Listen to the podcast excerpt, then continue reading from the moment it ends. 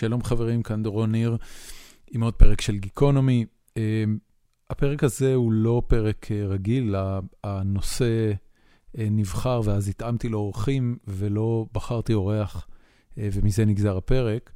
בין היתר כי לא חשבתי שמישהו יתעניין כל כך במעבר לטקסס ובחיים שלנו פה, אבל מסתבר שכן, השאלות שהציפו את הפורום בשבוע האחרון הראו שבאמת הנושא הזה מעניין, ובאופן כללי, אני לא יודע אם זה בגלל שישראלים רוצים להכיר מקומות אחרים שאנשים חיים בהם, או שטקסס באופן ספציפי, בגלל ג'ו רוגן ובגלל אילון מאסק, הפכה להיות מקום מעניין בשנה החולפת, אבל שמחתי על זה ושמחתי שאנחנו יכולים לספר קצת על החיים בטקסס.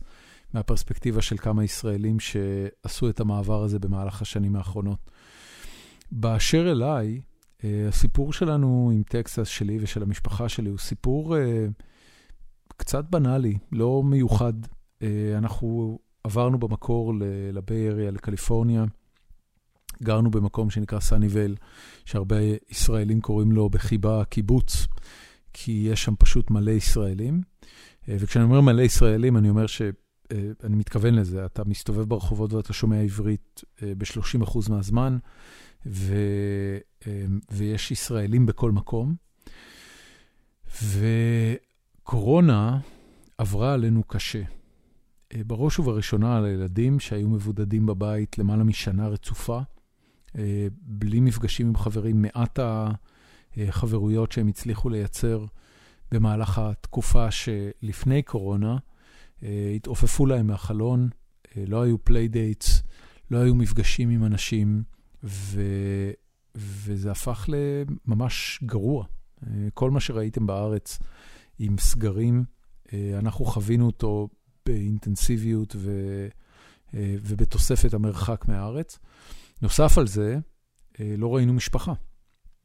לא ביקרנו בארץ מאז דצמבר 2019, לא באו לבקר אותנו בני משפחה מאז דצמבר 2019, והתחושה שלאט לאט הלכה והתפתחה, זה שאנחנו לבד, כמו שפעם הגירה הייתה עניין שאתה עושה אותו ושנים לא רואה את המשפחה שלך, אז קליפורניה קצת התחילה להרגיש לנו ככה. ובתוך כל הדבר הזה התחלנו לשמוע על אנשים שזזים לכל מיני מקומות אחרים, שבהם איכות החיים היא טובה יותר ועלות המחיה היא זולה יותר, ולילדים נחמד יותר, בעיקר לילדים נחמד יותר. ואוסטין הייתה אה, המקום העיקרי שעליו שמענו. ואז במאי 21, אני ושלי, אשתי, אה, קפצנו לאוסטין לסוף שבוע. פעם ראשונה שאנחנו עושים את זה מאז שעברנו לארה"ב, משאירים את הילדים עם בייביסיטר ל-48 שעות ועולים על מטוס ונוסעים לאוסטין. ונדהמנו מכמה דברים. קודם כל, מכמה המקום שוקק חיים, בעוד שה Bay Area וקליפורניה כולה הייתה די אה, אה, סגורה ומתה. דבר שני, מכמה שהמקום ירוק. לא לקחנו את זה בחשבון ולא ידענו את זה לגבי אוסטין, אבל הדימוי של טקסס הוא דימוי של... אה, חום, די צחיח, ואוסטין היא עיר מאוד ירוקה, כמעט טרופית באקלים ובעצים ובה, והירק שלה, בטח בעונה שאנחנו עברנו, שזה היה פחות או יותר שיא האביב. ו, וזה נראה נורא מדליק, ואמרנו, יאללה, נעבור. העובדה שארצות הברית מאפשרת מעברים בכזו קלות, והעובדה שתקופת קורונה מאפשרת לאנשים uh, לעבור ממקום למקום, תוך שהם שומרים על מקום העבודה שלהם, uh, היא פריבילגיה עצומה. שאפרופו uh, הדיון הקצר שלנו על פריבילגיה בפרק עם לירז מרגלית, uh, אנחנו באמת נהנים ממנו ואני מודע אליו היטב. Uh, יכול להיות שהרבה אנשים לא היו יכולים לעשות את המעבר הזה, יכול להיות שבאופן כללי הרבה אנשים הם לא ניידים כל כך. לא בארץ ולא בארצות הברית, ובוודאי שבדרך, עשינו את הדרך הזאת באוטו, כדי שלא נצטרך לטוס ולשלוח את הכלבה בצורות אחרות, אז לקחנו את האוטו ועשינו קרוס קאנטרי. עברנו דרך מקומות באמת באמת שכוחי אל, חורי תחת אמיתיים, שאנשים אה, שחיים בהם לא יצאו מהם מעולם. אה, גם בהם יש אושר באלף ואנשים אוהבים את החיים שלהם, אבל, אבל זה מקומות מאוד לא קוסמופוליטיים. וככה זה רוב ארצות הברית, ככה זה גם רוב ישראל. ישראל הרבה יותר קוסמופוליטית בממוצעים שלה מרוב ארצות הברית. ו, ואז הגענו לאוסטין, ואוסטין טובה אלינו. אה, היא טובה אלינו גם בגלל שבתי הספר הם נהדרים לילדים, וגם בגלל שהאוכל פה טוב והחיים פה הם כיפיים, פשוט כיפיים, ועלות המחיה היא כזו שגורמת לנו להרגיש אה, רמת חיים אחרת לגמרי ממה שדמיינו שנצליח להגיע אליה בקליפורניה. אז, אה, אז לטובת הפרק הזה חשבתי את מי אני יכול לצרף. וגל מדזיני, שהיא חברה שהכרנו אה, איך שעברנו לפה, היא אשתו של בחור בשם אור יוחנן, שהוא ישראלי שעבד בהייטק ועשה הסבה לנדל"ן, והוא אחד מסוכני הנדל"ן המצליחים באזור, לא רק בקרב ישראלים, אלא באופן כללי. ב, ב, אם אני לא טועה, ברבעון האחרון הוא היה סוכן נדל"ן שסגר הכי הרבה עסקאות באוסטין. אה, הדברים האלה מתועדים ורשומים, אז אה, אפשר לדעת. וגל אשתו היא אדריכלית ומעצבת פנים, ומישהי שגם עזרה לנו לעצב את הבית שלנו. אה, ויש לה פרספקטיבה של אימא, שגם מגדלת ילדה פה, ו... ושמחוברת לקהילה של האימהות באזור, או של הישראליות באזור. אה, והם גם נמצאים פה יותר שנים, אז חשבתי שהפרספקטיבה שלה על המעבר ועל החיים פה יכולה להיות מאוד מעניינת. אה, והאורח השני הוא נדב אה, ויזמן, ויצמן. נדב הוא חבר יזם שפגשתי עוד בביי אריה לפני כמה שנים, ואפילו ניסיתי לצרף אותו לסטרים אלמנטס. הוא היה VP product של Houseparty, ולאחר מכן הלך לעבוד ב Epic, כי Houseparty נמכרה ל Epic, והוא היום מנהל מוצר אה, בכיר ב Epic, שהיא חברה מהנערצות עליי.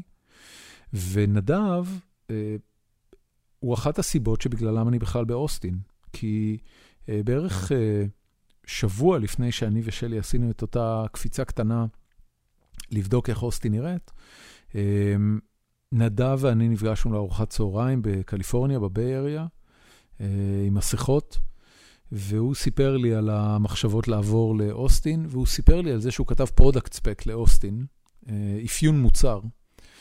אה, וזה היה לי נורא משעשע, אז ביקשתי שייתן לי לינק למסמך, ואני גם אשתף לינק למסמך בעמוד של הפרק באתר גיקונומי.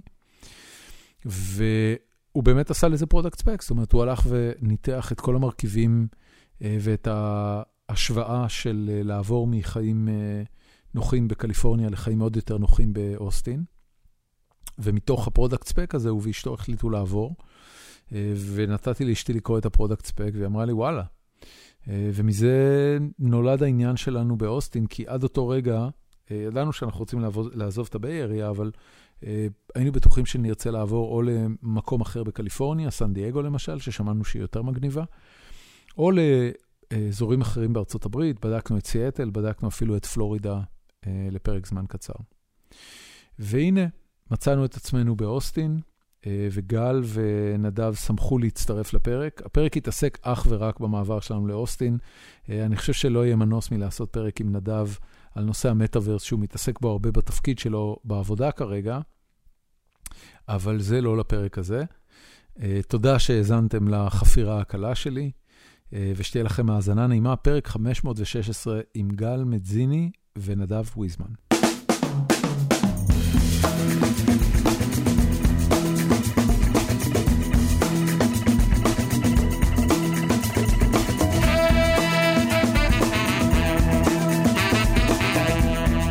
שלום חברים. אהלן.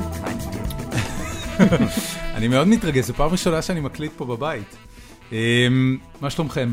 בסדר גמור. אז לכל מאזיננו, היום אה, יום שני בערב, President's Day, השעה עכשיו אה, שמונה וארבעים בערב. בדרך כלל אני מקליט בבוקר כשבישראל זה ערב, כי אני מקליט עם אורחים ישראלים, אבל טוב שיצא ככה. והרעיון לפרק הזה התחיל uh, בפורום החיים עצמם של גיקונומי, איפה שרוב המאזינים שלנו שואלים שאלות ומנהלים דיונים, uh, ושאלו איך החיים uh, בטקסס. וזה נשמע לי כמו יופי של רעיון לפרק, אז לכל מאזינינו, כמו שאמרתי בפתיח, נדב הוא הבן אדם שבמידה רבה כתב את מסמך ה product שבגללו החלטנו להתעניין ב... לא, אל תעשה את זה, אתה רואה, עשית בומים? אה, סליחה. אז או שתיקח את הטלפון ותשים אותו למטה, או שפשוט שום דבר שלא ייגע בשולחן, הבומים האלה, אני לא רוצה אותם. וגל, שהיא מעצבת ואדריכלית, ואשתו של אור יוחנן, שהיה סוכן הנדל"ן שעזר לנו למצוא את הבית, נמצאת פה יותר זמן מנדב, ארבע שנים אמרת לי? כמעט. אני כתבתי בפורום שנתיים, אז אני מתנצל על זה, לא התכוונתי לפגוע לך בפזם. פזם. אבל אני רוצה דווקא להתחיל, בך, גל, בגלל שאתם נמצאים פה יותר שנים, מה בעצם גרם לכם בכלל לשמוע על אוסטין או לבדוק אותה בתור אופציה למגורים? כי לפני כן הייתם כמונו בקליפורניה, בביי אריה. אז אנחנו הגענו, מאוד רצינו רילוקיישן, אני ואור. איפה גרתם בארץ? גרנו בארץ ברמת ישי. אוקיי, בצפון. בצפון, אני חיפאית ואור מהמרכז, אבל שנינו היינו יוצאי טכניון, אז חיינו בצפון. אחרי שהתחתנו, קנינו בית ברמת ישי, בית חמוד, ארבעה חדרים, עם נוף לעמק יזרעאל. חלום בורגני. כן, ועם זאת רצינו, רצינו יותר, רצינו אמריקה, וכשהייתה הזדמנות אז ישר קפצנו עליה. וטסנו לאן שכולם טסים, לביי. והגענו מרמת ישי. זה היה רילוקיישן יזום? זאת אומרת, היה לכם עבודה מהארץ? אז אור עבד באמזון, ו... בארץ? כן. ואז מטעם אמזון הוא... ומטעם אמזון הוא פשוט, הוא ביקש. אוקיי. אני רוצה לעבור לארה"ב, תסדרו לי משרה. אוקיי. וזה מה שהיה, זה היה גם קל, כי... הוא לא היה אז בנדל"ן? לא, בכלל לא. הנדסת תוכנה? זה נכון, אז בעלי אור הוא... מהנדס חשמל, שזה okay. מחשבים וחשמל. כן. הוא עסק בעיקר במחשבים. אוקיי. Uh, כן, תוכנה. אז הוא עשה backend. Uh, ועברנו עם אמזון. כן, כבר הייתה לו נגיעה בנדל"ן בשלב הזה, כי הוא היה לו את 150 משכורות בישראל. מה זה 150 משכורות? אני זוכר את זה.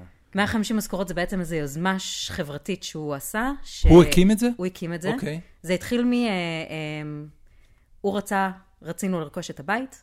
הוא דיבר עם כמה אה, אה, יועצי משכנתה, הבין שהם לא מבינים את מה שהוא צריך, אז הוא למד את זה בעצמו. Okay. ואז הוא התחיל לייעץ לחברים. אוקיי. Okay. ואז הוא פתח... כתחביב. כתחביב, ואז הוא פתח את זה לציבור, שכל מי שרוצה לקחת משכנתה ורוצה ללמוד על זה, יכול לבוא אלינו לסלון. ולזה הוא קרא 150 משכורות? 150 משכורות, שזה בעצם כמות המשכורות הממוצעת כדי לרכוש אה, דירה בישראל. כן, זה עוד קדם לגל יוקר המחיה בישראל. גד... היום זה כבר יותר גבוה? השתמשו בזה כמדד להשוות בין מדינות. כן. כאילו, כמה מהמשכורת המדיה, משכורת ממוצעת, לא יודע מה, כמה כאלה אתה צריך כדי לקנות בית.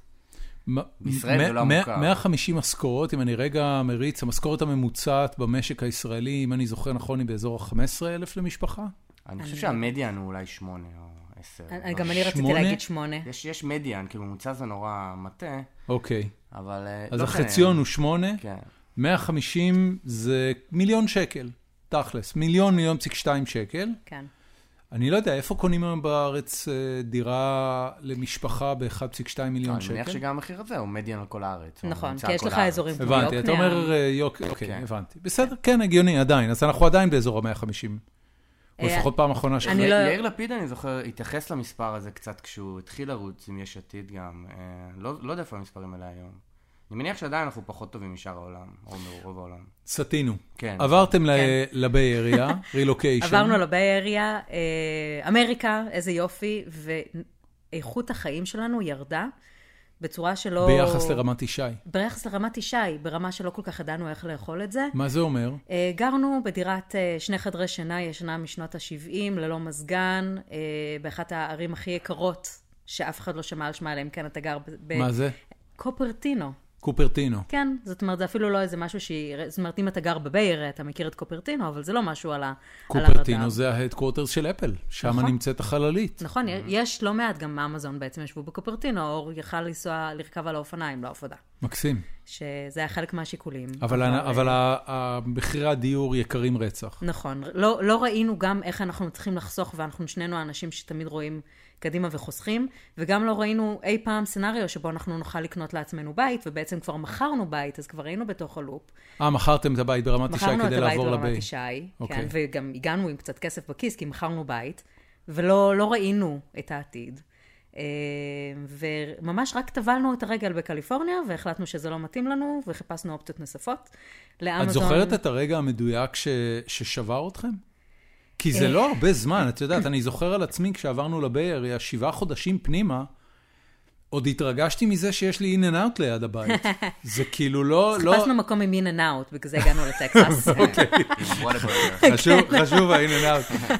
אבל מה היה נקודת השבירה? כאילו, מה קורה אחרי חצי שנה שאתה אומר, okay, fuck that, שאתה לא יכול לחיות פה? אה, וואו, כן, זו שאלה מצוינת, מה הייתה נקודת השבירה? אור חזר כל יום ב-7-8, כשעשו לו פרצופים שעדיין הוא, שהוא חותך מוקדם מהעבודה. שמונה בערב. שמונה בערב. okay. Okay. חשבנו שיש אה, Work-Life Balance בארצות הברית. כנראה לא באמזון. לא, ב... לא באמזון ולא בביי. כן, אבל לא אתה... לא יודע, בבית אתה עובד עד שמונה בערב? מה פתאום? לא, לא, לא, לא, לא, לא. לא. תלוי בחברה. לא לשכוח בסופו של דבר שבדרך כלל כשעושים רילוקיישן, אתה נעול בחברה שאתה מגיע איתה כן, לתקופת זמן. תלוי בוויזה, נכון. עד ל green card, שזה יכול לקחת שנה, זה יכול לקחת שנתיים או יותר, תלוי. באיזה מסלול אתה נמצא.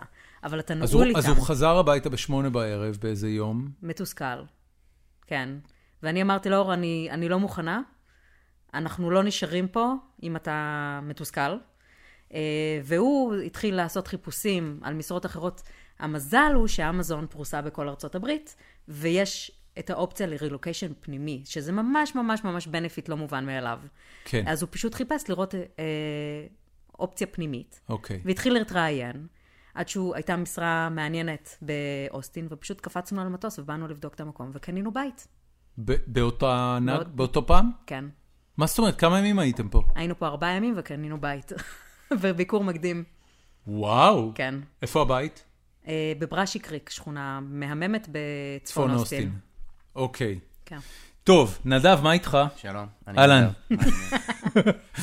אתה עברת ל Bay Area, אם אני לא טועה, בכלל בגלל Houseparty? זה היה... לא, לא. Houseparty היה עוד לפני זה?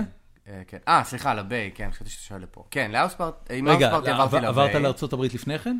אה, לא, לא, אתה צודק, עברתי עם Houseparty בשביל להיות VP Product ב Houseparty. אוקיי. אה, בעיקרון סגרתי סטארט-אפ שנקרא Docady, consumer product, שלושה מיליון דולר, נכשלתי בלגייס עוד, סגרתי את החברה. והלכתי להיות EIR, Entrepreneur in Residence, באלף, שזה VC מאוד מוכר בישראל. והכיוון היה להקים את הסטארט-אפ הבא, עם השותף העתידי שלי מור סלע. איפה אז גרת בארץ? גרנו בכפר סבא, בדיוק קנינו בית בצורן, כזה הווילה, חלומו הישראלי אה, של כל אדם. חשבת שתעזוב את הארץ? לא, לא. כ founder, כיזם, היו שיקולים על מעבר. במהלך כל הקריירה שלי בהייטק היה שיקולים על רילוקיישן, יש לי הרבה חברים שעשו רילוקיישן, במיוחד ל Bay. אבל לא, לא הייתי שם בכלל ב mindset. זאת אומרת, באמת, בדיוק בנינו בית בצורן, בית חלומותינו, אני זוכר כמה השקענו בעץ של המדרגות, כאילו כמה? שטויות, מלא אנרגיה וכסף, לא הגיוני. אוקיי. Okay. אמ, ואז איכשהו זה קרה, זאת אומרת, הייתי שם, היינו כמה חודשים, חשבנו על רעיונות. ואז חלק מהמעורבות שלי באלף הייתה להיות ב partners meeting של ה-GPs של השותפים. ו Houseparty זו חברה שא' השקיעה בה משלב מאוד מוקדם, אה, היא עברה הרבה מאוד פיבוטים. כן, הייתה Meerkat באיזושהי כן, נקודה. כן, הייתה Meerkat והייתה Air, הייתה כל מיני, ו Yevvo. Yevvo. היה כל, כל מיני גלגולים. אה, אז פתאום היה סיבוב, 50 מיליון, קצת יותר, מ Sequoia ו Greylock ואלף. והייתי מעורב, ואחת הבעיות העיקריות שם הייתה איזושהי טכנולוגיה שהצעתי לעזור להם, ונוצר לי קשר מאוד טוב עם המנכ"ל. איכשהו יצא, זאת אומרת, ממש לא תכננתי, בטח הוא להיות שכיר. אמרתי, יאללה, אז גם השותף שלי, שאם הוא רוצה גם, הוא גם, כאילו, פתאום זרמנו על רילוקיישן מאוד מהר. אז האוס פארטי נראתה כאילו תהיה הסנאפצ'אט הבא, והיא תימכר במיליארד דולר תוך שנה בערך. אמ, אנחנו מדברים על איזה שנה? 2000 ו... לפני חמש שנים, שם קוד. 16. כן, בערך. אוקיי. ממש בתחילתה של Houseparty, היה ל Houseparty כמה מיליוני יוזרים. אה, אז עברנו ל Bay. זה, זה, איך אתה מתקשר החלטה כזאת למשפחה? ש, ש, אתה יודע, אני מניח שאשתך מעורבת לפחות כמוך בבחירת העץ לבית החדש. אה, כן, נכון. מה, לא מה אומרים? הכל עבר לנו חלק, אני לא יודע, אני תמיד, כאילו, היה לי, שוב, היה לי הרבה חבר'ה שעשו רילוקיישן, תמיד חשבתי שזה כזה big deal. אוקיי. גם אנחנו מאוד קרובים למשפחות שלנו, שתי המשפחות שלנו במקור קרובות אחת לשנייה, גם בקריות, אני ואשתי ביחד מגיל אפס בערך. אה, אז כאילו, זה היה סיפור. אח שלי גם לא גר בארץ, אז בסוף הילדים, הילדים שלי היו הנכדים אה, הראשונים ובזמנו היחידים של ההורים שלי. אבל זה איכשהו קרה. אמרנו, אבל- נעבור, אה, נעבור, אמרנו למשפחות, אמרו, יופי, תהנו, חוויה, כאילו, הכל זרם. עברת לבאי אריה, אני ואתה נפגשנו בקפה ונציה, אם אני לא טועה, נכון, וואי, איזה זיכרון טוב. ב-2018, נכון. פעם ראשונה, ואני זוכר שאמרת לי, תקשיב, אה, אה, קורה משהו טוב עם Houseparty, אם, אם אני לא טועה, Houseparty נמכרה ל Epic, נכון. אה, והפכה להיות בעצם שלוחת הוידאו שלה, אפשר להגיד? אה, שלוחת כן, הוידאו, פחות social? וידאו, ה- היום היא האודיו שלה. אוקיי, בזמנו זה ה Vivox, שאחרי זה נקרא ל Unity. אוקיי. אז היום היא לא ספק האודיו, אבל יש שם עוד כל מיני ש- אז כשאני חלקים. ואתה דיברנו אז, ואני אה, חיזרתי אחריך ל StreamElements בזמנו, נכון. אמרתי תקשיב, יש פה משהו טוב, אנחנו כנראה אה, נצטרף לחברה גדולה ומצליחה, לא ידעתי אז שמדובר ב Epic, ו... ואז פרצה קורונה. זאת אומרת, נכון. ב- בערך, לדעתי, או שישה חודשים או שנה אחרי שדיברנו, פרצה קורונה. בדרך באמת החברה נמכרה ל Epic. ומתי התחילו הדיבורים על לעזוב את ה Bay? אז האמת, לא הדיבורים על לעזוב את ה Bay. זאת אומרת, אנחנו מאוד אהבנו את ה Bay. אנחנו דווקא... איפה גרתם שם? אז זהו, אז אנחנו לא הלכנו לסאניבייל, שזה בדרום, קצת אה, נגיד אז- אזור הפאלו אלטו, ששם יש הרבה ישראלים, או פאלו אלטו, או בעיר, זה בערך הספקטרום בעיר סן אה, פרנסיסקו. סן פרנסיסקו, שאנשים גרים, אלא אם כן זה מחוץ ל Bay, אז כזה East Side וזה. אז אנחנו בחרנו איפשהו באמצע, בחרנו את פוסטר סיטי, שזה באזור של שדה תעופה, SFO, אה, כי זה הרגיש לנו באמצע, זה קרוב לפאלו אלטו, זה קרוב לעיר, אני לא יודע מה יהיה אחר כך, איפה נגור, איפה נעבוד. והייתי עושה את ה commute כל יום, הילדים בב- בבתי ספר? בילדים בית ספר, אה, כן, היה שם בית ספר מצוין שנקרא PJCC, שאני ממליץ עליו בחום למי שחושב לעבור לאזור שם, בית ספר יהודי, פרטי, אוקיי. למעט העובדה שלימודים עולים שם 30 אלף דולר בשנה. מהנטו שלך בשנה לילד. וואו. אה, אז יש פייננשל אייד וזה, אבל תלוי כמה אתה מקבל, תלוי בשנה, אבל פוטנציאלית אתה יכול לשלם... אתה, אתה, אתה, אומר- אתה אומר סכום לי, ב- עתק. בתור סמנכ"ל מוצר, בסטארט-אפ שגייס 50 מיליון דולר, כן, למעשה 70 באותה נקודה 70, כבר. אה, אה, אתה- קשה, אי אפשר לחיות עם זה. כאילו, כי אתה- 90 אלף דולר נטו זה 150 ברוטו, זה כבר מתקרב נגיד למשכורת אה, סבירה של בן אדם אחד בביי. נכון. בדרך כלל בן זוג, בת זוג שלא בגללו עוברים, לא עובד, או לא עובד תקופה משמעותית. קשה, כן? קיצור חנוק. אה, חנוק מאוד. היה אופציה לשים את הילדים בבתי ספר ציבוריים? היה, יכולנו להעביר אותם לציבורים, הדרך שבה ציבורים עובד בביי נורא תלוי איפה אתה גר. אמ, שקלנו את זה כל שנה מחדש בגלל הכסף, בסוף החלטנו לא לעשות את זה בגלל הקשר ליהדות, לישראל, עברית, רמה. אוקיי. ידענו שאנחנו לא נוציא אותם מהבית ספר. הרבה אמרו לנו, אוקיי, אבל כשאמרנו שאנחנו עוברים לאוסטין זה לא שיקול וזה, אתה יכול להעביר אותם לפאבליק גם פה, לא היינו עושים את זה. אה, מכל מיני סיבות, זאת אומרת, הבתי ספר שהיו, האפשרויות שלנו לא כל כך מתנו עליהם, היו בסדר, אבל לא באותה רמה. היום הילדים שלי פה בפאבליק והוא מדהים. אה, חזרה אבל לנקודה שלך, אנחנו לא ברחנו מהביי, היינו שם קרוב לארבע שנים. כשאנחנו הגענו לפוסטר, לא היה הרבה משפחות ב... בחתך גילאים של הילדים שלנו, נגיד שתיים, כשאנחנו עזבנו היו יותר מעשר, יותר מעשרה גברים בפוקר שבועי, יותר מעשר נשים באימון אה, שבועי, מאמנת, ואחר כך קצת יין וגבינות. איזה הסללה. זאת אומרת, היה לנו, היה לנו, אין כן. נשים בפוקר? אה, הם לא, הם לא, גם אנחנו שיחקנו הרבה פוקר, דוגרי אכלנו ושתינו, כן? אבל, אה, אבל זה היה השם של הקבוצה. אני אומר, אוקיי. היה לנו מאוד טוב, חברים מאוד טובים, היה לנו כיף, היינו יוצאים, היה לנו טוב. יקר, סן פרנסיסקו מבאסת בדרכים מסוימות, בטח נזכור אותם, אבל לא חיפשנו לעבור לאוסטין.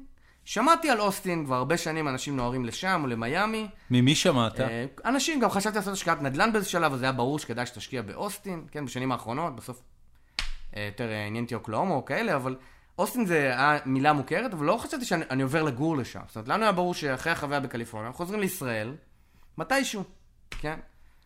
אה, ואז פתאום קרה ששני אנשים התקשרו אליי באותו ערב, אחי, אני עובר לאוסטין, בוא לבירה. גם אמיר שבט וגם אה, גדי אלישב, שני חברים טובים. גל הקורונה. שני- אה, כן. שניהם באמת עברו? שניהם באמת עברו תוך כלום, שבועות. אה, אמרו לי, בוא, בוא נדבר לפני שאני עוזב, נפרד פה מאנשים וזה. אמרתי, וואלה, מעניין, מה קורה אני, פה? אני רגע אחד רוצה לשאול, כי ב- בהחלטה שלנו לעזוב את הביי אריה, שלנו, של המשפחה שלי, הסיפור של קורונה היה סיפור מאוד מאוד מכריע. הילדים שלי שכן היו בפאבליק סקול בסאניווייל, מצאו את עצמם למעלה משנה נכון. נעולים לבד בבית. אז, אז גם לאמיר, אני יודע שלאמיר זה היה שיקול מאוד גדול, יש לו ילדים קצת יותר גדולים משלך, נכון, נראה לי, בטח נכון. משלי, וכבר תיכון. אבל uh, באמת, אתה נמצא במצב, uh, הסיפור לא, בביי... השאלה שלי עם ה-JCC וה... ה-JCC עבד מדהים. הוא הוא עבד בזום? פרטי, זאת אומרת, היה את העניין הזה שילדים... מה זה, אתה לא ראית דבר כזה, איפה זה ואיפה... לא ראיתי בשום מקום דבר כזה. הוא קנה טלוויזיות, הוא בנה עוד כיתות, הוא עשה ערוגות פרחים ביניהם שיפרידו מרחק. הוא בנה את המורים והילדים בקוהורטים, שאם מישהו חולה, לא כל הבית ספר נכנס לבידוד. הוא קנה להם מיקרופונים נתלים למורים, שתי טלוויזיות ענק עם זום, מי שלא רוצה לבוא לא חייב, השיעור מתנהל, אין, הכל התנהל מדהים. הוא באמת, אני נותן לו שאוט זאת אומרת, היל, הילדים לא חוו את הבדידות והניתוק של לא. ללמוד בזום מהבית? הם עדיין היו מחויבים מסכות, ועדיין היה אסור להם אה, לגעת אחד בשני, כן? כאילו... אבל זה לא היה שיקול בגלל לא לעזוב. אבל זה לא, לא היה אפשרות כזאת, זה לא היה שיקול, לא בגלל זה עזבנו, אבל אני יודע שהרבה אחרים, וכשאני יעצתי להרבה אנשים לגבי מעבר לאוסטין או לא מאז, אני יודע שהרבה אנשים מאוד סבלו בגלל סיפור ה-education אה, committees, כל הדברים האלה בקליפורניה, מאוד דומה גם לפעמים בישראל קצת. Okay. אוקיי. פשוט לא מתפקד, נכון? הרבה בתי ספר שלא מתפקדים, כמו שאתה מתאר לעצמך. כן, אצלנו זה היה ממש לנו סובייקטיבית זה לא היה שיקול, אבל uh, אני יודע שזה שיקול מאוד גדול להרבה שרוצים לעבור. אז, אז אם, אני, אם אני מבין נכון את מה שאתה אומר לי, המעבר הוא לא היה נעזוב את הביי, אלא הוא פשוט היה אוסטין פתאום צצה על הרדאר? כן, אמר, אמרתי שוב, זה פשוט עלה. אני, אני יכול לספר את הסיפור קצת כמו גל, כזה טיק טק וזה איך שהוא קרה לנו. זאת אומרת, שני החברים התקשרו אליי באותו ערב, פתחתי את הפלאפון, התחלתי להסתכל קצת על אוסטין, אמרתי, וואלה, מעניין, אמרתי לאשתי, כזה ישבה לידי על הספה, תגידי, למה אנחנו לא עוברים לאוסטין? היא אמרה לי, מה קשור לעבור לאוסטין? נראה שאני נפרדת מהחברות שלי פה, אני הורגת אותך. אמרתי, לא יודע, מה, לא דיברנו על זה אפילו. אתה חכם, תחזור, היא עשתה לי את אותו דבר עם המשכנתה הראשונה שלנו בחיים. אתה איש חכם, לך תעשה מחקר, תחזור, תוכיח שאתה חכם. הלכתי, כתבתי מסמך למה לעבור. זה המסמך שראיתי. זה המסמך שהעברתי גם לך וכנראה עוד כמה עשרות ישראלים מאז.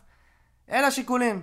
מיסים, nightlife, חינוך, טה טה טה טה טה טה. נראה טוב, נכון? נראה מעניין. זה נראה טוב גם לאשתך? אה, כן, היא אמרה, תשמע, זה מלא כסף. זה מלא כסף. מלא כסף. זה יכול להיות מאות אלפי דולרים בשנה. כן. עכשיו, אנחנו שנינו עדיין חיים בסרט שאנחנו חוזרים לישראל. בסדר? ישראלים ותיקים יותר אומרים לנו, אתם חיים בסרט. אה, אבל אנחנו בעיקרון רוצים לחזור. מה המרכיב של הסרט הזה? זאת אומרת, מה לא הנקודה שבה חוזרים לארץ? לא יודע. הורים, שהילדים לא יגדלו מדי, לא יודע מה השלב. תמיד יש תירוץ לדעתי ללמה לא לחזור. למה לא עכשיו, אולי אחר כך, כמו למה לא עכשיו להוליד, להוליד ילדים, או למה לא עכשיו לעשות את הרילוקיישן ההפוך. אני, אני מרגישה שהנוחות נורא נורא שואבת אותך. יש לך המון דברים טובים בישראל ששווה לחזור בשבילם, אבל איכשהו תמיד בסוף, אבל בדיוק הילד עבר לחטיבה. אבל יוצאת עונה חדשה באמזון. אני די בטוח שאם נעשה, בגלל שזה מוקלט... אבל יש עכשיו אמזון one day. כן. אני די בטוח שאם נעשה פרק עוד כמה שנים, אנחנו כנראה נהיה בישראל. יכול להיות שאני... אתה לא בטוח? אני די בטוח שכן. אתה די בטוח, כן, למרות אוקיי. שהיא אמרה, וזה נכון. אמ, לא בוער לנו, אבל בעיקרון שלנו רוצים לחזור, ואז כאילו היה לנו, לנו שוב, סובייקטיבית, אנשים נמצאים במצבים שונים שהם שוקלים לעבור, אבל אמ, כאילו אמרנו, אנחנו יודעים שפה אנחנו לא רוצים לחיות, נכון? כי לא מספיק טוב פה. פה, פה טקסס או פה אמריקה? פה בביי אריה. אה, אוקיי. בשביל שנגיד, וואי, אנחנו נשארים בפוסט עכשיו כל החיים. אוקיי. אה, יש הרבה טיעונים, הרבה סיבות, הרבה אלמנטים של החיים, אבל זה לא זה. מה היה שם? פשוט זרות? היה לנו טוב, היה לנו טוב, כן, אבל לא... לא הרגשנו שהחיים הם זורמים כזה כמו שהם היו בישראל. היה לנו חברים מאוד טובים, זה הדבר הכי חזק שהיה לנו שם. הכסף, כמו שהיא אומרת, זה לא מתקמפל ללחיות ברמה טובה, כן? והיה לנו בית שמאוד אהבנו, אמנם הוא היה משנות ה... לא יודע מה, 60, אבל הוא היה משופץ ברמה מאוד גבוהה, והיה לנו גינה, וכאילו... היה לנו סבבה, באמת שהיה לנו סבבה בביי. יש הרבה סיפורי זוועה מחברים שבורחים לפה, זה לא המצב, אבל הרגשנו שזה לא, בכל האלמנטים האלה של המשוואה של הרמת חיים שלך, זה לא עובר את הסף. זאת אומרת, אנחנו עדיין מעדיפים לחזור לישראל. זה... אז אמרתי, אם כבר זה המצב, אנחנו נחזור תוך, לא יודע אם זה שנה או שלוש, לא יודע מה המספר, שווה לנסות עוד משהו שהוא טיפה שונה, נכון? ועדיין צריך להיות שם tech. עדיין, עדיין צריך להיות שם nightlife, כן? כן? מזג אוויר צריך להיות טוב. ניו יורק לא נראתה אטרקטיבית? לא, אנחנו לא, מזג אוויר לא מתאים לנו ניו יורק. אה, בגלל הקור? כן, אנחנו לא אוהבים קור. אני חושבת שכמו ש... שאנחנו בבית שלי אומרים, אה, רק בגלל שנולדתי בישראל לא אומר שזה אה, מחייב אותי להישאר פה כל החיים. אז רק בגלל שהרילוקיישן העביר אותי לק... לקליפורניה, לא אומר שאני לא יכול לנסות דברים אחרים. נכון. ואין שום... מה שיפה בישראל, זה שלא משנה באיזה מצב אתה, אתה תמיד יכול לחזור, היא תמיד תיקח אותך בחיבוק חזרה הביתה. אז למה לא לנסות עוד מקום? אה, חיבוק. הם תמיד יגידו לך, ברוכה הבאה. יש אנשים שיגידו. לך ברוכה הבאה, זה נכון. כן. אמא אנחנו- ואבא תמיד יחכו. אנחנו שמחים ו- שתשלם את המיסים שלך פה. נכון. דווקא במיסים, אני חושב שישראל עשתה. משהו מדהים בשנה האחרונה, כן? היא מאוד מעודדת אה, תושבים אה, חוזרים, נכון. וזה, לא- נכון. לא נכנסתי לעומק ההטבות, אבל לדעתי הן מאוד משמעותיות.